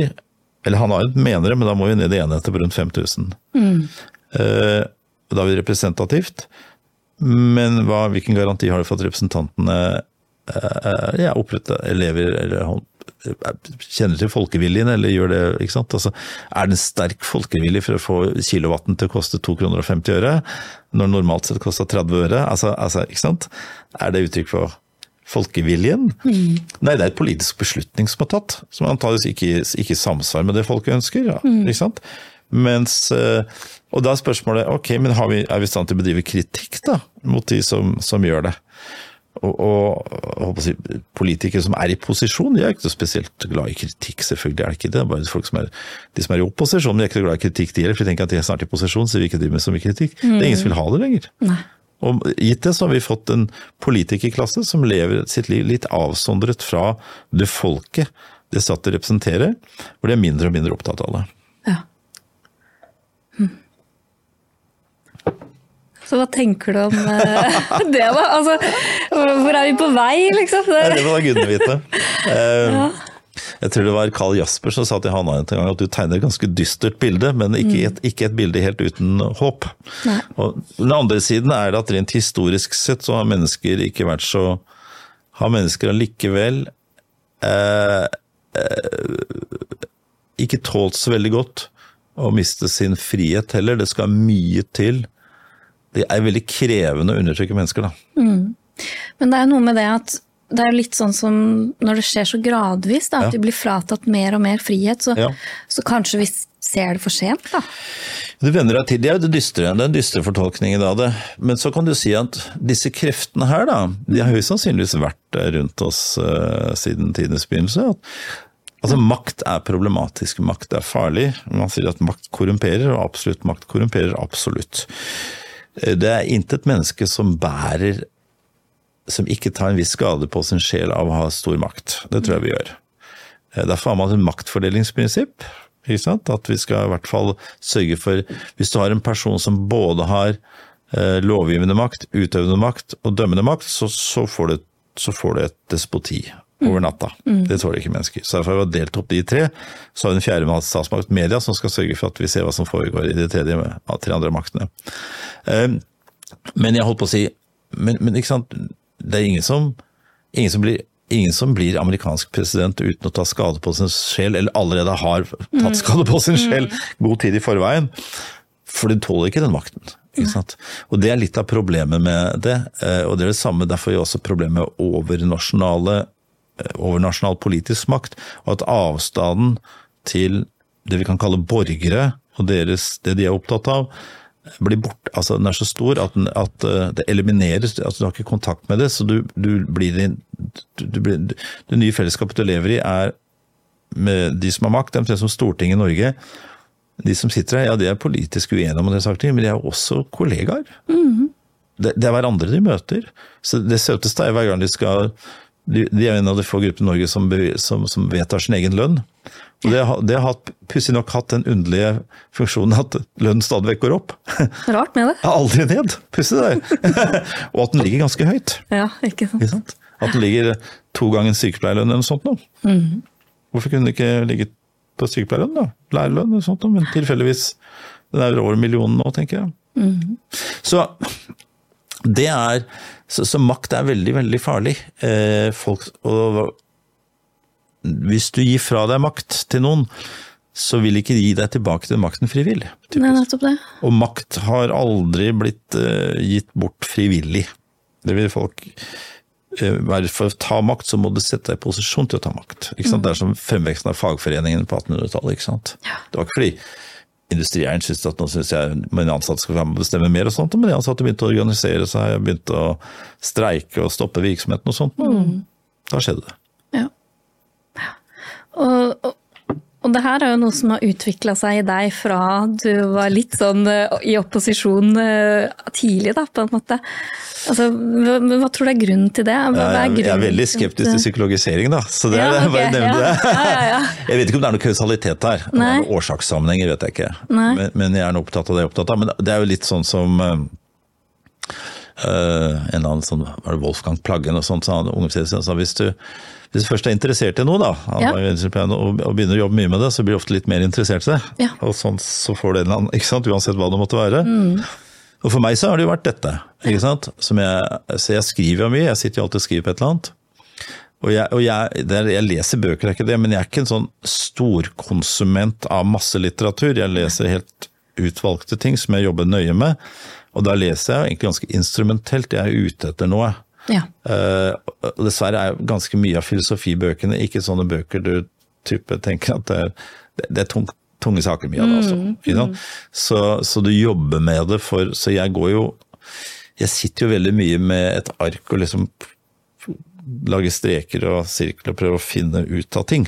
Det sitter jeg mye med. Ja. Uh, Så du har alltid vært litt sånn på en måte, da? At du har eh, Ja, jeg alltid, alltid. Det er jo balla på seg, da. Ja. Litt mer av det. Men, eh, men jeg har kanskje vært eh, Jeg tror jeg skrev avisinnlegg når jeg var 15 år gammel også. Ja, ikke sant? Så du har alltid vært ganske engasjert, da? på Ja, eller jeg har vært i opposisjon. jeg. Ja, Jeg har ja. vært litt sånn i opposisjon. Jeg sånn type, Stemmer dette her, da? Er dette riktig? Ja. Kan det, er dette er dette, kan, det forst- kan det ikke forstås på en annen måte? Det har vært Ja. litt sånn utfordrende, tror jeg. Ja, og jeg syns det er veldig bra det at du klarer å gjøre det forståelig. For folk flest, da. Altså, Ja. For du, du er jo ikke den, den eh, type filosof som lager, skriver veldig komplisert, og sånn at folk Nei, ikke altså, kan på en poenget mitt er at jeg, jeg, skriver ting som ikke folk kan lese også. Ja. Altså, jeg, jeg skriver jo i, i, i den sjangeren, da. Ja. Det er ingen som hører noe, for det er jo, da er det over i tidsskriftene, ikke sant. Da er det over i fagtidsskriftene og sånt, Mm, ja. og fagfellevurderte ting og sånt noe. Og, og, men det har vært viktig for meg hele veien å skrive på en annen måte. En av de artigste sjangeren jeg vet om er kronikk. Da har du 5000 tegn. Ikke sant? That's it, altså. Kanskje 6000 hvis du er heldig. Eh, Så da må du forsøke å si det på 5000 tegn. Um, og, og jeg tenker filosofifaget er nok et fag hvor du kan forlate det tekniske språkbruken og opprettholde ganske mye av substansen i det du ønsker å si. Hvis du driver med teoretisk astrofysikk, så er det sikkert verre. på en måte, Den tyngre, ikke sant? Men på den siste boken her nå, så bruker jeg en redaktør som var litterær, altså Kristin Flod, som var eh, redaktøren på den siste boken. altså. Ikke fra filosofien i det hele tatt. Men hun har altså gjendiktet Dante, så, så for all del. Men, men, men som, og hun var jo veldig på meg, og da bestemte jeg meg hele tiden at jeg skal, jeg skal lytte til henne. Jeg skal, det skal svært mye til for at ikke jeg lytter til det hun har å si. Og, og hun øh, hun liksom endret, altså Og da må du jo tåle, kan man si det på en annen måte? Kan man, øh, akkurat nå driver jeg og oversetter den til engelsk, øh, og gjør en del arbeid selv. for jeg og igjen, du, har- den samme utfordringen da, for engelsk er et helt annet språk. Det har veldig mye ord, det er veldig mange måter å si det på. ikke sant? Norge har jo ikke så stort leksikon, ikke så mange ord, bare at mange ord betyr det samme. Mm. så, så da prøver jeg liksom å forholde meg til sexen og si at det, det er noe som er mulig for folk å forstå. Kronikker må jo være sånn, ellers så får du bare retur. ikke sant? Dette går ikke an å skjønne, liksom. Nei. ikke sant? Eh, Så da, får du, da må du jobbe med det på en ja. måte. Så det, det å kommunisere er jo øh, viktig for meg. Og det er samme med sånn Jeg har hatt en radiospalte uh, i årevis, ikke noe lenger, men i 20 år eller noe sånt nå, sånn nesten ukentlig, sånn nitimen eller tilsvarende programmer. Da må man jo da, Du må jo gjøre det forståelig, ikke sant? det du sier. Og det går an, det, altså. Ikke sant? Og noen ganger så kan du liksom tilsynliggjøre at det er en del faglig terminologi som, som, kanskje ikke, som kanskje ikke er så substansiell når det kommer til stykket, bare at vi bruker disse begrepene for det blir så selvfølgelig for oss. Men hva betyr det egentlig? Mm. sant? Eh, Det blir bare selvfølgeligheter. Altså, hva, hva ligger i disse begrepene? ikke sant? Ja, ja, sånn at det blir forståelig for folk, sånn at andre kan reflektere litt mer over det også. Da. For jeg tenker jo at det var veldig viktig at du kom med en sånn motstemme tidlig, hvor Ja. du, du, du gjorde folk oppmerksom på at ja, men dette her kan jo ytterste konsekvens bli ganske alvorlig, hvis ikke vi, vi nå reflekterer litt over disse totalitære tendensene. Ja, ja, da. Uh, og jeg syns jo det var veldig bra, og også at du fikk det inn i hovedfunksjonen. Ja, jeg har jo så- aldri hatt noe problem med det. Så, men jeg har jo jeg forsøkte hele tiden å ikke Altså ha en litt spørrende funksjon. Mm. For jeg må jo også, Det er jo ikke sikkert jeg har rett heller. Altså, så så så det, det å være litt spørrende Og det var jo kanskje tilhenger av å, å bli alltid litt på vakt når jeg møter sånn en veldig sånn ikke-spørrende holdning som bare bombaster sånn at det er sånn. For det er Mm. veldig få ting som du kan være sikker på det om. ikke sant? At det, at det er sånn. Mm. Så jeg prøvde å holde meg i litt den derre eh, ikke lage autoritære tekster, da. Litt åpnere tekster. eh, hvor vi sier at det kan være mulig at det er sånn, men det kan være sånn også. Eller selv om det er sånn, så kan dette her være problematisk. Altså, Litt sånn løfte det opp, og det at vi kan tåle to budskaper, da. Ja. Eh, og det tror jeg eh, opprettholde toleransen for to budskaper er ganske viktig. Eller flere. Og det igjen, og da blir det, da blir det en annen type eh, Det blir nok lettere også for en debattredaktør, da, kan du si. ikke sant? En veldig spissa. Og det ble, og var jo åpenbart en forventning i, i lang tid på at media skulle formidle ett budskap. Mm. Og, så hvis du formidlet det stikk motsatte budskap, så kunne det være vanskelig. Men du kunne formidle det pluss et annet budskap. ikke sant? Altså å være, ha den formen. og Eh, Så jeg har jo, jeg tror jeg vet ikke, jeg tror jeg skrev 15 kronikker eller noe sånt jeg, på Ja. ett og et halvt år. Så, og så skrev jeg en del sammen med folk også, men de hadde litt av den samme oppfatningen. De var ikke spesielt uh, autoritære, men bare si at vi må hele tiden huske på at det kan hende at det finnes et annet perspektiv som vi må opprettholde. Ja. Ja. Få fram litt refleksjon, rett og slett. da. Ja. Og ikke være så kategorisk som Ja, ja, og det er jo liksom igjen appellere til den sunne fornuften. Som du sa pandemien nå, da, så er kanskje den sunne fornuften overtatt det nå, fordi nå lever vi våre liv og sånt, og folk blir smitta, noen dør. Uh, ikke sant? Vi vet omtrent hvem det er, aldersgruppemessig, uh, komorbiditetsmessig og sånn, så vet vi litt. eh, og, og det er noen gang sånn også at eh, vi ikke lever evig, da. Ikke sant? Eh, Altså eh, og Derfor så er vi villige til å bruke ganske store ressurser til å redde unge mennesker, for da redder vi veldig mange leveår. Det er den vanlige måten, men hvis du er gammel, så bruker vi mindre ressurser. For vi, dette er samfunnsøkonomi, vi redder ikke så mange leveår. Ikke sant? I forhold til, dette, dette er kost-nytte. Ja. I forhold til penger. Pussig under pandemien var at vi var villige til å utsette veldig veldig unge mennesker for mulig skade for å redde veldig veldig gamle mennesker. Og den er ny. Ja, for det var, det var da jeg begynte å stusse litt. Hva er det som skjer her? Ja, hva, hva, hva skjer i samfunnet? vi gjør normalt sett ikke sånt. Nei, ikke sant? nei. Fordi etter hvert så viste det seg at for, for, for seks, syv, åtteåringer så var ikke pandemien spesielt farlig. Det er ikke kontrovers å si lenger, det var ikke det. Eh, men, eh, men vi tenkte at hvis vi stenger skolen for det, så kan vi redde mennesker som er eh, 85.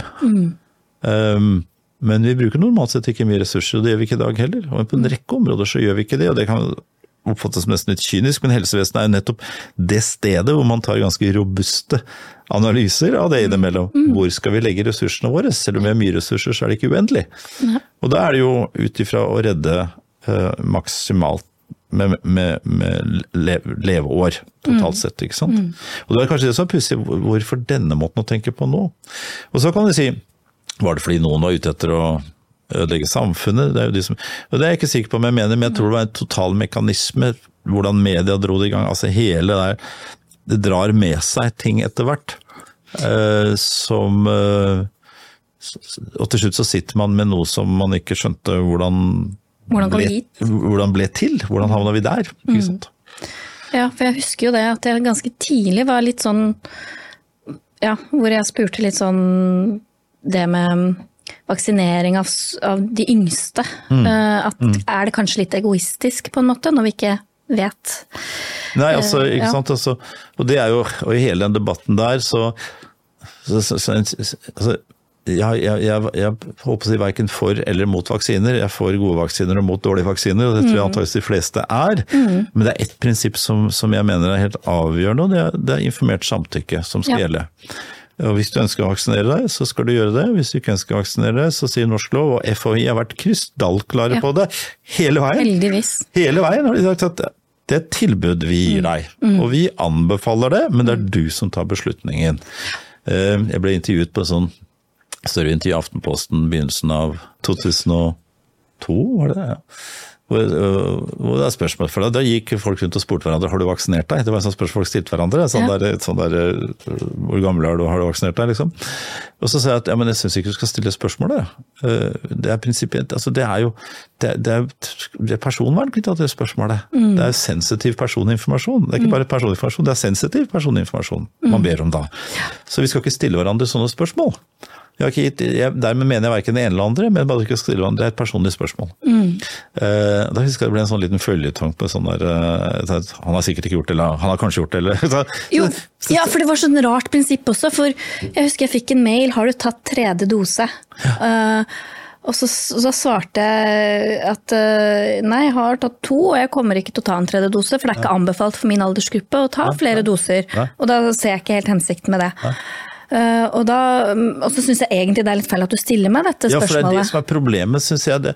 Fordi vi er jo Dette er jo eh, altså du, altså, du kjenner jo til det fra ditt fag. altså det er ekstremt streng lovgivning på dette her. her. Jeg har jo masterstudenter som skal gjøre en annen spørreundersøkelse, f.eks. En hel haug med ting. som nettopp for å beskytte sensitiv informasjon, ikke sant. Og så plutselig ble dette en sånn type sånn, sånn kaffeprat. kaffeprat. Og det er det som er problem, og det er det som er problemstillingen for meg.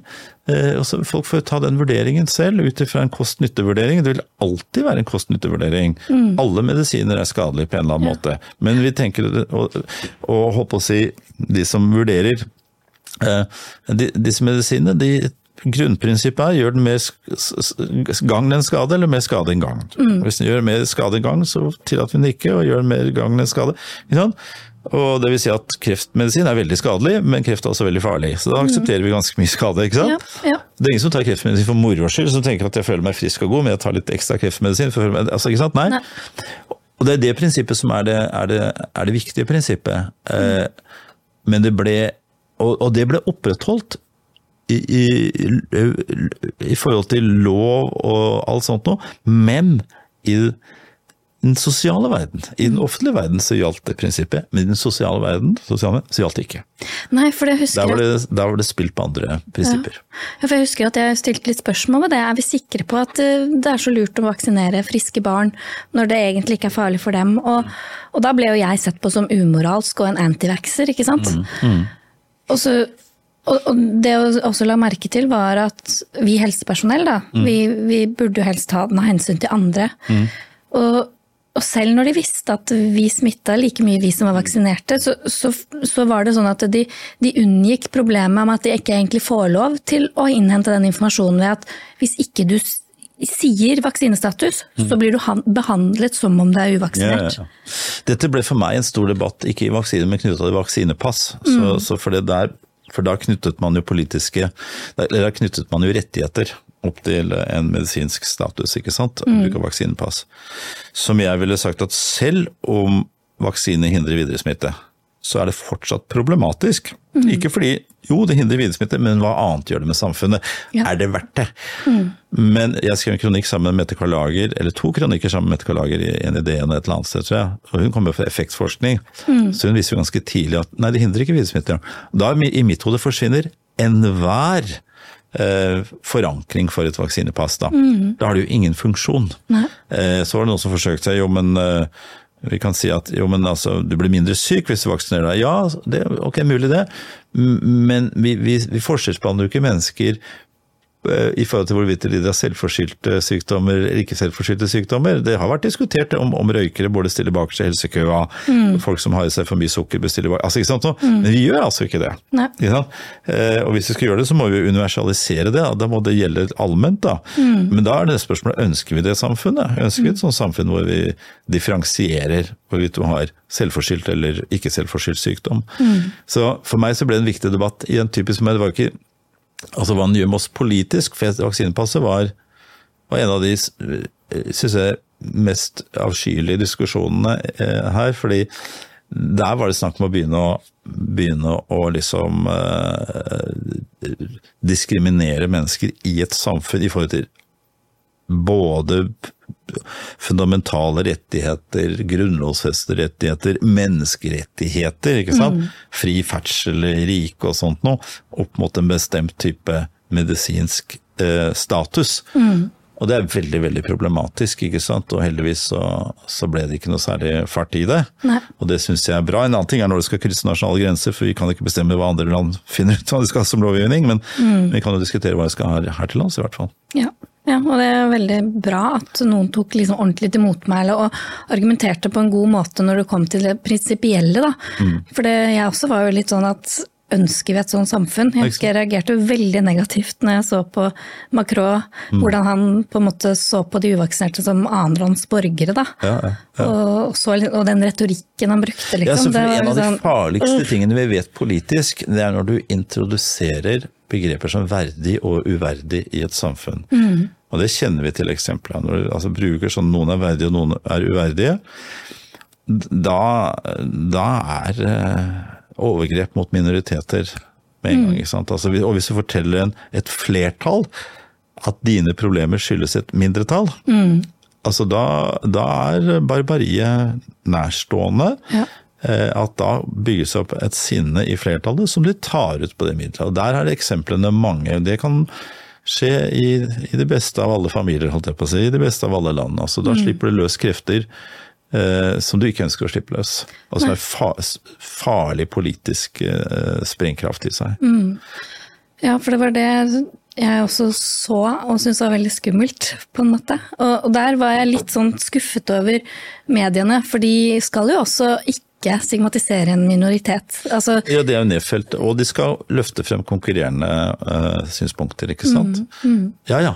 Mediene hadde mediene Jeg gikk ut ganske tidlig og anklaget mediene for å ikke gjøre jobben sin i det hele tatt i forhold til verdigrunnlaget sitt. Eh, mediene skal jo ikke, eh, skal jo ikke videreforbringe makt, maktens oppfatninger. Det, du kan si at de har noe informasjonsplikt i forhold til med å få ut noe informasjon og sånt Ja, ja. noe, men de skal jo være kritiske til, eh, til det makten kommer med. Ja. Så, jeg, så, det, så for meg så ble det delvis også et sånn gigantisk sånn Solomon Ash-eksperiment. ja, sant? kunne du forklart det eksperimentet? For det er jo ikke sikkert alle Nei, ja, det er jo det er to typer eh, sånne Det er to typer konformitet. Det ene er det vi kan kalle informativ konformitet. Det er når Det er for en psykiatrisk psykolog som heter Sharif på 30-tallet. Når du er usikker på hva du skal gjøre, så gjør du det andre gjør. Da er du altså usikker på hva du skal gjøre, og da ser du på mennesker rundt deg, så gjør du uansett hva du gjør. Ja. Det kan være de merkeligste ting du gjør. Og du gjør det ikke fordi du skjønner hvorfor du gjør det, men du gjør det fordi de gjør det. Ikke sant? Ja. Eh, men så har vi det som kalles normativ konformitet. Du er ikke lenger usikker på noe. Men du er fortsatt villig til å gjøre det andre gjør. Du er fortsatt helt sikker. Og det var disse linjestudiene, ikke sant. Altså du skal vurdere hvor lang en linje er i forhold til en standardlinje, hvor det er helt åpenbart da, at la oss si ingen av linjene er like lang som standardlinjen. Men så er det åtte mennesker i gruppen for, som, som sier at det er linje B som er like lang. Og så ser du at det ikke, alle kan si at det ikke er det, men de sier det likevel, for de er blitt fortalt at de skal si det for å lage et eksperiment. Og når det er din tur da, det gjelder ikke alle, det gjelder ikke alltid, men et ganske signifikant eh, antall går med på det. Og det er normativ konformitet. altså Da, da stoler vi ikke lenger. Vi er villige til å se bort fra Og da kan vi si Folk ble intervjua i etterkant og sa at ja, hvorfor sa du det? Og sa de at nei, altså jeg kunne jo ta feil og sånt noe, men det hadde, etter hvert som diskuterte så nei, det var litt kjipt. Jeg skulle være den eneste som, som mente det. Og Hanne Arendt har jo snakket om dette egentlig før, gjennom begrepet om tankeløshet. Ja. Altså Hva er det som fikk mennesker til å, til å jobbe i de tyske utryddelsesleirene, da? Ja, ikke sant. Og, og, og noe av den samme konformiteten er drivkraften eh, der. Eh, Det er mye annet også, men de er ikke nødvendigvis klinisk gærne eller barbarer eller perverse. Det kan godt hende det var noe sånne for all del. Altså. Men det, det, jeg har sett en del bilder nå, ikke sant? hva fritidsaktivitetene til vaktene i Auschwitz, altså når de var ute og koste seg og hadde piknik og sånt noe. Hvor de ser veldig normale ut, og antakeligvis er de helt normale også. Men du, by- du bygger opp eh, også dem, ikke sant. Og de andre har ikke full menneskelig verdighet, for de mangler noe.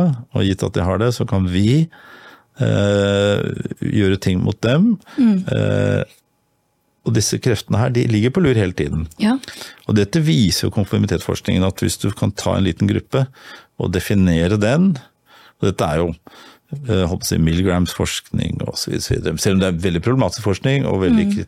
bør kritiseres, og antageligvis bør kritiseres mer enn det har blitt kritisert. Ja. Det Det å tro du har drept noen, liksom. ja, og, ja, og, ja altså det, det, er, masse svakheter ved den forskningen. Mm. Men allikevel så er det sånn at hvis du tar en liten gruppe, eller en stor gruppe, og sier at hei, dere er den gruppen her, og dere er de verdige, det finnes en gruppe som er uverdig, for de har ikke gjort det det skal gjøre for den gruppen her, og de Mm. ødelegger for dere. De sørger for at du ikke får gå på fest, eksempel, eller sånt noe. Mm. Og hvis du slipper løs de kreftene, ja. så har du sluppet løs barbariet. Mm. Det, det er ganske sikkert, altså. Og det skjedde ikke i Norge, for man dro det på en måte ikke langt nok. Nei, heldigvis. Men, men Helsedirektoratet var jo Gullvåg sa jo i en anledning at de skulle, ha spilt mer på følelser, og det syns jeg er veldig problematisk. Ja, det, Da blir det jo på en måte propaganda, da, for Da det er jo det. selve definisjonen på det. Ja, da blir det, og da blir det et ekstremt press på det mindretallet, ikke sant. Eh, og det, det var disse sidene her ved håndteringen av pandemien som jeg syns var problematiske og politisk veldig farlig. For dette her, dette vet vi om, altså hva slags krefter du slipper løs da, for du slipper løs krefter også. Ja, Den der dehumaniseringen som, dehumanisering, ja. som på en måte rettferdiggjør egentlig at de, de får man lov til å behandle dårligere Ja, ja. fordi de er mindre verdt, da, på et eller annet vis. Og så, er det noe med den hvis det også er en lov da, som, som eh, rettferdiggjør det, Det så er det litt sånn Det ja ja, men jeg bare følger ordre, eller jeg bare hører etter. Jeg er ikke ordre, følger loven. Ja, rett og slett. Ikke sant? Ja. Det er jo, det er jo dette her, eh, og det vil si, det, da Han Arendt begynner å snakke om tankeløshet. At Mm. du har slutt, altså du sluttet å Du har ikke lenger en kritisk sans. Du kan tenke og finne frem til altså, Men du har ikke en kritisk sans lenger. Du greier ikke å vurdere hva skjer, også, er dette riktig, bør vi gjøre det sånn? Hva? Den evnen der som kanskje er glansnummeret til det å være menneske, da, den har du begynt å, å miste. Så du, du, du, har ikke lenger, du er ikke lenger i stand til å du er i stand til å reagere, men du er ikke i stand til å agere. Altså, og sette i gang, du bare kan reagere på den inputen du får, men ikke sette i gang noe nytt og uventet selv og begynne å stille spørsmål og sånt. Nei, og det er jo noe med det at det er jo nesten ikke noe vits hvis alle andre er liksom skjønt enige om at sånn er det, og sånn bør det være, Nei, på en måte. Ja. For, for det jeg tenker at det er jo så, så viktig for oss for overlevelse, faktisk, å av fellesskapet. da er vi tilbake til. Sartis påstand om at helvete er de andre. Mm. Ikke sant? Jeg så et sånt, det var jo veldig begeistret for Bjørneboe, da. Og det er jo litt Han snakket Ja. jo til en antiautoritet her. Mm. Jeg så en av de siste intervjuene med han før han hengte seg. Eh, 75 og sånt. Og det var fortsatt en sint, uh, krakilsk, opprørt, uh, forbanna person, ikke sant. Som var fullstendig non-konform, ikke sant. Men det var plass til han, da. Ja. Ikke sant. Sosial. Han som, som Han ble ikke sosialt ekskludert for Nei, å være han, han, han Åpenbart problem med alkohol og alt mulig sånt. noe, Men, men altså Men som var til stede da, som en sånn type figur. Eh, Men fordi han på den tiden tilfeldigvis eh, også var opprørt over ting som mange andre var opprørt over, Vietnam, alt fra Vietnamkrigen til USAs rolle, altså sånt noe, så, så fikk han plass til Men det var i hvert fall drevet av et sånt personlig engasjement, sinne og komplett nonkonform, da, altså. Ikke sant? Altså, når han syntes han ble når han syntes han ble liksom for snill etter Jonas ikke sant, og sa alle de riktige tingene, så skrev han porno. ikke sant? Altså Selv om det er ganske lite oppsiktsvekkende ting for det som er i dag, men de ble dømt. altså, Boka Ja. ble stoppet. ikke sant? ja. Og det var jo for å, for å tror jeg også til en viss grad for å, for å, for å banne i kirka. For, Ja, ut, for å provosere. Ja, eller for å si vent nå litt, ikke sant. Mm. jeg, ville, jeg vil ikke bli gjort så tannløs, for han skulle skrive bestialitetens historie etterpå. Og da kunne han ikke bare være eh, eh, bare en sånn snill, snill person som mente alt riktig, ikke sant. Det er litt det samme vi har gjort med ettermellom Alf Prøysen, og si at han var en sånn snill barnehageonkel, mens Alf Prøysens tekster er noe helt annet. Hvis vi pirker litt i det. Ja, det var vel Bj- Bjørneboe som også kom med dem formyndermennesker, eller noe sånt? Salamanderne. Ja. Det var Jonas. Mm. De med nøklene. Ikke sant? Ja, så Han hadde jo det perspektivet veldig sånn utfordret eh, og Det er jo Norge på 60-tallet. ikke sant? Ja, for det er det, men nå har liksom faktasjekkerne og mediene også begynt å ta den rollen, da. Og den hadde de på en måte ikke på den tiden, på at, eh, det, alle skal passe på hva du mener, ikke sant? istedenfor å si at det, du mener er feil, men da kan vi argumentere mot deg. da. Ja, for det er det som er så fascinerende nå. Nei, fordi, fordi problemet er at hvis du argumenterer imot, så inviterer du folk til å argumentere tilbake. og Da inviterer du til en dialog, ikke sant. Men det er jo ikke det vi inviterer til i sosiale medier. Vi vil enten skal bekrefte det perspektivet som styrer denne gruppen her, eller så hører du ikke hjemme her. Nei. Det finnes ikke noe annet plass for deg. Og det er det som er skiller sosiale mediene fra det vi i prinsippet mener mediene skulle være. da. Om, de er, om de er det, er jo å ta ansvar. Men om de noen gang har vært det, kan vi stille spørsmål. Men at de skulle være det stedet hvor, hvor konkurrerende oppfatninger skulle bli lansert. Men det er, det jo, og det er noen mekanismer i det sosiale. Og det er jo det Hanne Arendt skriver om, og jeg som skriver denne boken her. Og til slutt så får vi det vi kan kalle tyranni uten en tyrann. Vi tenker tyrann lenger. Nei. Det er bare konformiteten som eh, Som styrer, styrer. det hele. Men problemet er at sosiale medier de eies av noen. Og de som eier de har helt sikkert store økonomiske interesser, for de er ekstremt verdifulle. Men de har så store økonomiske interesser at de høyst sannsynligvis også har politiske interesser. Ja. Ja. Og da, da også vet vi da at gjennom å dytte litt på algoritmene på hvordan de bekrefter ting, så kan de, for, kan de styre ikke direkte sånn software-messig, men allikevel påvirke oss til at, til at det endrer st store gruppers oppfatning om saker og ting. Ja. ja, for det så vi jo på Twitter, så har de jo, har de jo sett det at det er jo en del innlegg og sånn som har blitt shadowbanna, og som færre har sett, og sånn fordi Mm. Ja. det politisk ikke var så veldig hensiktsmessig. Det vi har sett, altså jeg skrev en kronikk i var det VG og sånt, rett før jul, at vi har det som kalles hybridsensur, at det gir hybridsensur. Sensur, altså at staten skal forhåndsgodkjenne utsagn i Norge, er ikke tillatt i Norge. Nei. Du kan forby, eh, eller du kan anmelde et utsagn, og Mm. så kan du straffes for det, men da må utsagnet allerede ha vært der. Du kan ikke forhåndsforby det. Det er ikke lov. Og det er en typisk i alle demokratier, så har de den regelen. Men det vi ser, at du kan få en kobling mellom den utøvende myndighet og de som eier sosiale medier. Så du kan få de til å gjøre det. For de har all rett til å gjøre det, for det er deres dovegg. Så de kan bestemme hvem de, bryter ikke noe lov. Og Derfor så bør sosiale medier underlegges vanlige offentlighetsprinsipper, at det er en offentlighet. Altså, ikke sant? Slik at de ikke kan gjøre det, for det er så stort. Det er det som er problemet, slik at da kan altså politiske myndigheter via og da får du det vi kaller, som jeg kalte hybridsensur, altså forskjellig type Enten at du, enten at du, du blir ekskludert, eller du bedriver selvsensur, eller du blir økonomisk ramma. Paypal. Paypal brøt jo med Wikileaks, f.eks. Ja. Når eh, Assange hadde kommet med opp, høyst sannsynligvis sanne, sann- sanne opplysninger eh, om amerikansk krigføring. Eh, og da får de til sensuren allikevel. Og den koblingen der, det er jo ikke overraskende at noen skjønner at vi kan gjøre det på den måten. Nei, klart ikke det. Så det ligger der som mulighet, det. Og det er problematisk. Ja. Så hva er løsningen på alt dette? Hvor, hvor Nei, går vi herfra, liksom? Hvor går vi herfra? Ja. Nei, altså jeg tror nok Det er jo det med filosofisk bevisstgjøring, Mm. refleksjon øh, Jeg pleier ofte å si, jeg bestiller spørsmålet hva er filosofi? Mm. Men da pleier jeg å si at det er et systematisk forsøk på å forstå det du allerede kan, men som Mm. du kan så godt at du har sluttet å legge merke til. Og Det krever ofte at du endrer perspektiv. Ja. At du setter deg i et annet sted, eller i en annens sted. Det Mm. er et gammelt etisk grep. Og forsøker å se hvordan ser det ut derfra. Ja. Hvordan ser det ut? Altså at du evner å endre perspektiv. Og at vi bør gjøre det med jevne mellomrom. Også på de tingene som vi er helt sikre på at sånn må det være. Og så, ikke sant? Ja. Og så, ja, men vent nå litt. Ikke sant? Er det, er det virkelig sånn? Og så forsøker ja, men hvis jeg ser det For noen ganger kan det oppfatningen mennesker har kan virke ekstremt fremmedartet på oss. Eh, ikke sant? Så vi tenker at Det kan ikke være mulig å mene noe sånt, tenker vi innimellom. Eh, og Da må vi ikke psykologisere og si at det er mulig å tenke det fordi de er blitt gærne, og sånt, da. men det å faktisk ta den posisjonen og se fra Og det er, den, det er en frigjørende Ja. eh, øvelse. Da frigjør vi oss fra verden slik den faktisk er. Altså, den kan være på en annen måte. Og når det er sagt, så er det ingen som har tilgang på den helt objektive fasiten på hvordan verden er, for det er ingen som vet hvordan verden er. For den er ikke på en bestemt måte. Veldig dynamisk. veldig dynamisk.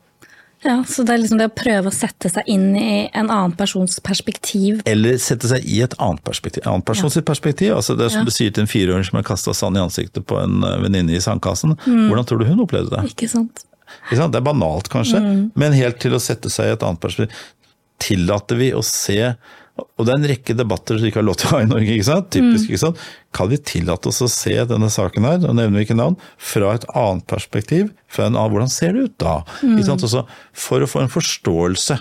Ja. Og så når vi har gjort det, så kan vi si at ok, eh, men det er på en stadig flere områder, så er det en aktivitet vi ikke, ikke bejubler, for å si det sånn. ja, så det er liksom Ditt take på det er å rett og slett bare hjelpe folk til å reflektere litt mer, da, ved å skrive kronikker og måten vi gjør det på, er jo ofte å stille hverandre spørsmål. Ja. Ikke sant? Eh, og noen ganger så, så blir de spørsmålene møtt med sånn en tolvåring som gir beskjed. Ikke sant? Ja, ja. Holder seg for ørene og roper høyt. Um, men at vi må, må hele tiden stille Stille det, stille det spørsmålet. Kirkegaard har en sånn fantastisk setning et sted hvor at det var på et teater hvor, eh, hvor, eh, hvor en av eh, eh, en aktør i teatret løp inn på scenen og ropte 'brann, brann, det brenner', og folk jublet og klappet og syntes det var godt teater. Poenget var at det brant. Det brant faktisk. Ja. ja. Og han så så for seg sånn kom verden til å gå under, til allmenn jubel. Ikke sant. Nå var han en ganske dyster person. Ja, ja. Nei, men det er det, så vi kan på en måte Så man må jobbe litt mot de kreftene, da. Og, og sørge for at folk ikke sensurerer seg selv hele tiden, for det syns jeg er veldig skummelt. Ja, men jobbe sånn motnarrativt, kom jeg på som et fint begrep. Motnarrativt. Ja. Det vil si at det, det, altså det, det bærende narrativet, Og det er så mye forskning, da kaller vi det paradigmer. Man skal utfordre altså, ikke sant? Sånn, man jobber jo, mye Forskning foregår vanligvis innenfor et paradigme, men man kan også ha en bevissthet om at forskning foregår innenfor et paradigme. Innenfor det narrativet her så er det sånn vi forsker, og ikke på en annen måte. Ja. Men man kan eh, jobbe motnarrativt, vil si at hvordan, hvordan ser det ut fra et annet perspektiv? Eh, og det tror jeg mennesker har et visst anlegg for, eh, hvis vi bare tør. Ja. Mm. Nei, det kjempebra alt du kommer med. Ja, nå må du være uenig! Ja, ja, Nei, pokker heller. Sånn må det ikke være. Nei, men, men det er det at eh, jeg tenker at Jeg håper jo også at den podkasten her kanskje kan bidra litt til refleksjon da, rundt disse tingene. For jeg tenker jo også at eh, Men jeg tror at, at podkasten i dag Det er ekstremt mye spennende ute på podkaster, så nå er det om å gjøre å ikke bare drukne i det. Det er så mye. Men det skjer mye der, og det er der det skjer nå, tenker jeg. For der får du de litt lengre diskusjonene som gjør at ting er litt mer komplekse. Hvem var det som tenkte at hvis vi gir deg to minutter nyhetsinformasjon om en sak, så er du informert? Når var det den tanken oppstod, at verden er så enkel? Altså, du kan like gjerne ikke se på det. Nei. Du er omtrent like opplyst. Ja, for da blir det liksom korte, sterke budskap som Sterk, og det er følelser. Ja. Bare sånn følelsesmessige Ja. ting. Der er det noe som blir det. Det er det. Ja, men var det det som var saken, eller det som var saken? Vet ikke. Nei. Der. Og, og, og så tenker man ok, eh, hvor tilfeldig er det? Eh, er det hvor bevisst er det? Mm. Ikke sant? Altså, ja. Og hvorfor har dere valgt ut akkurat dette, og ikke dette eller dette? ja, fordi Det er jo ikke sånn at de velger ut alt som skjer i hele verden, for da hadde det blitt en lang eh, sending der. Det er helt bestemte ting som velges ut, med en bestemt type belysning. og Vi skal ta to minutter, ferdig med det, og da har du opplyst om hva som skjer i verden. Altså, ikke sant? Du, Mm. kunne jo valgt en milliard forskjellige vinklinger og scenarioer og områder i verden osv.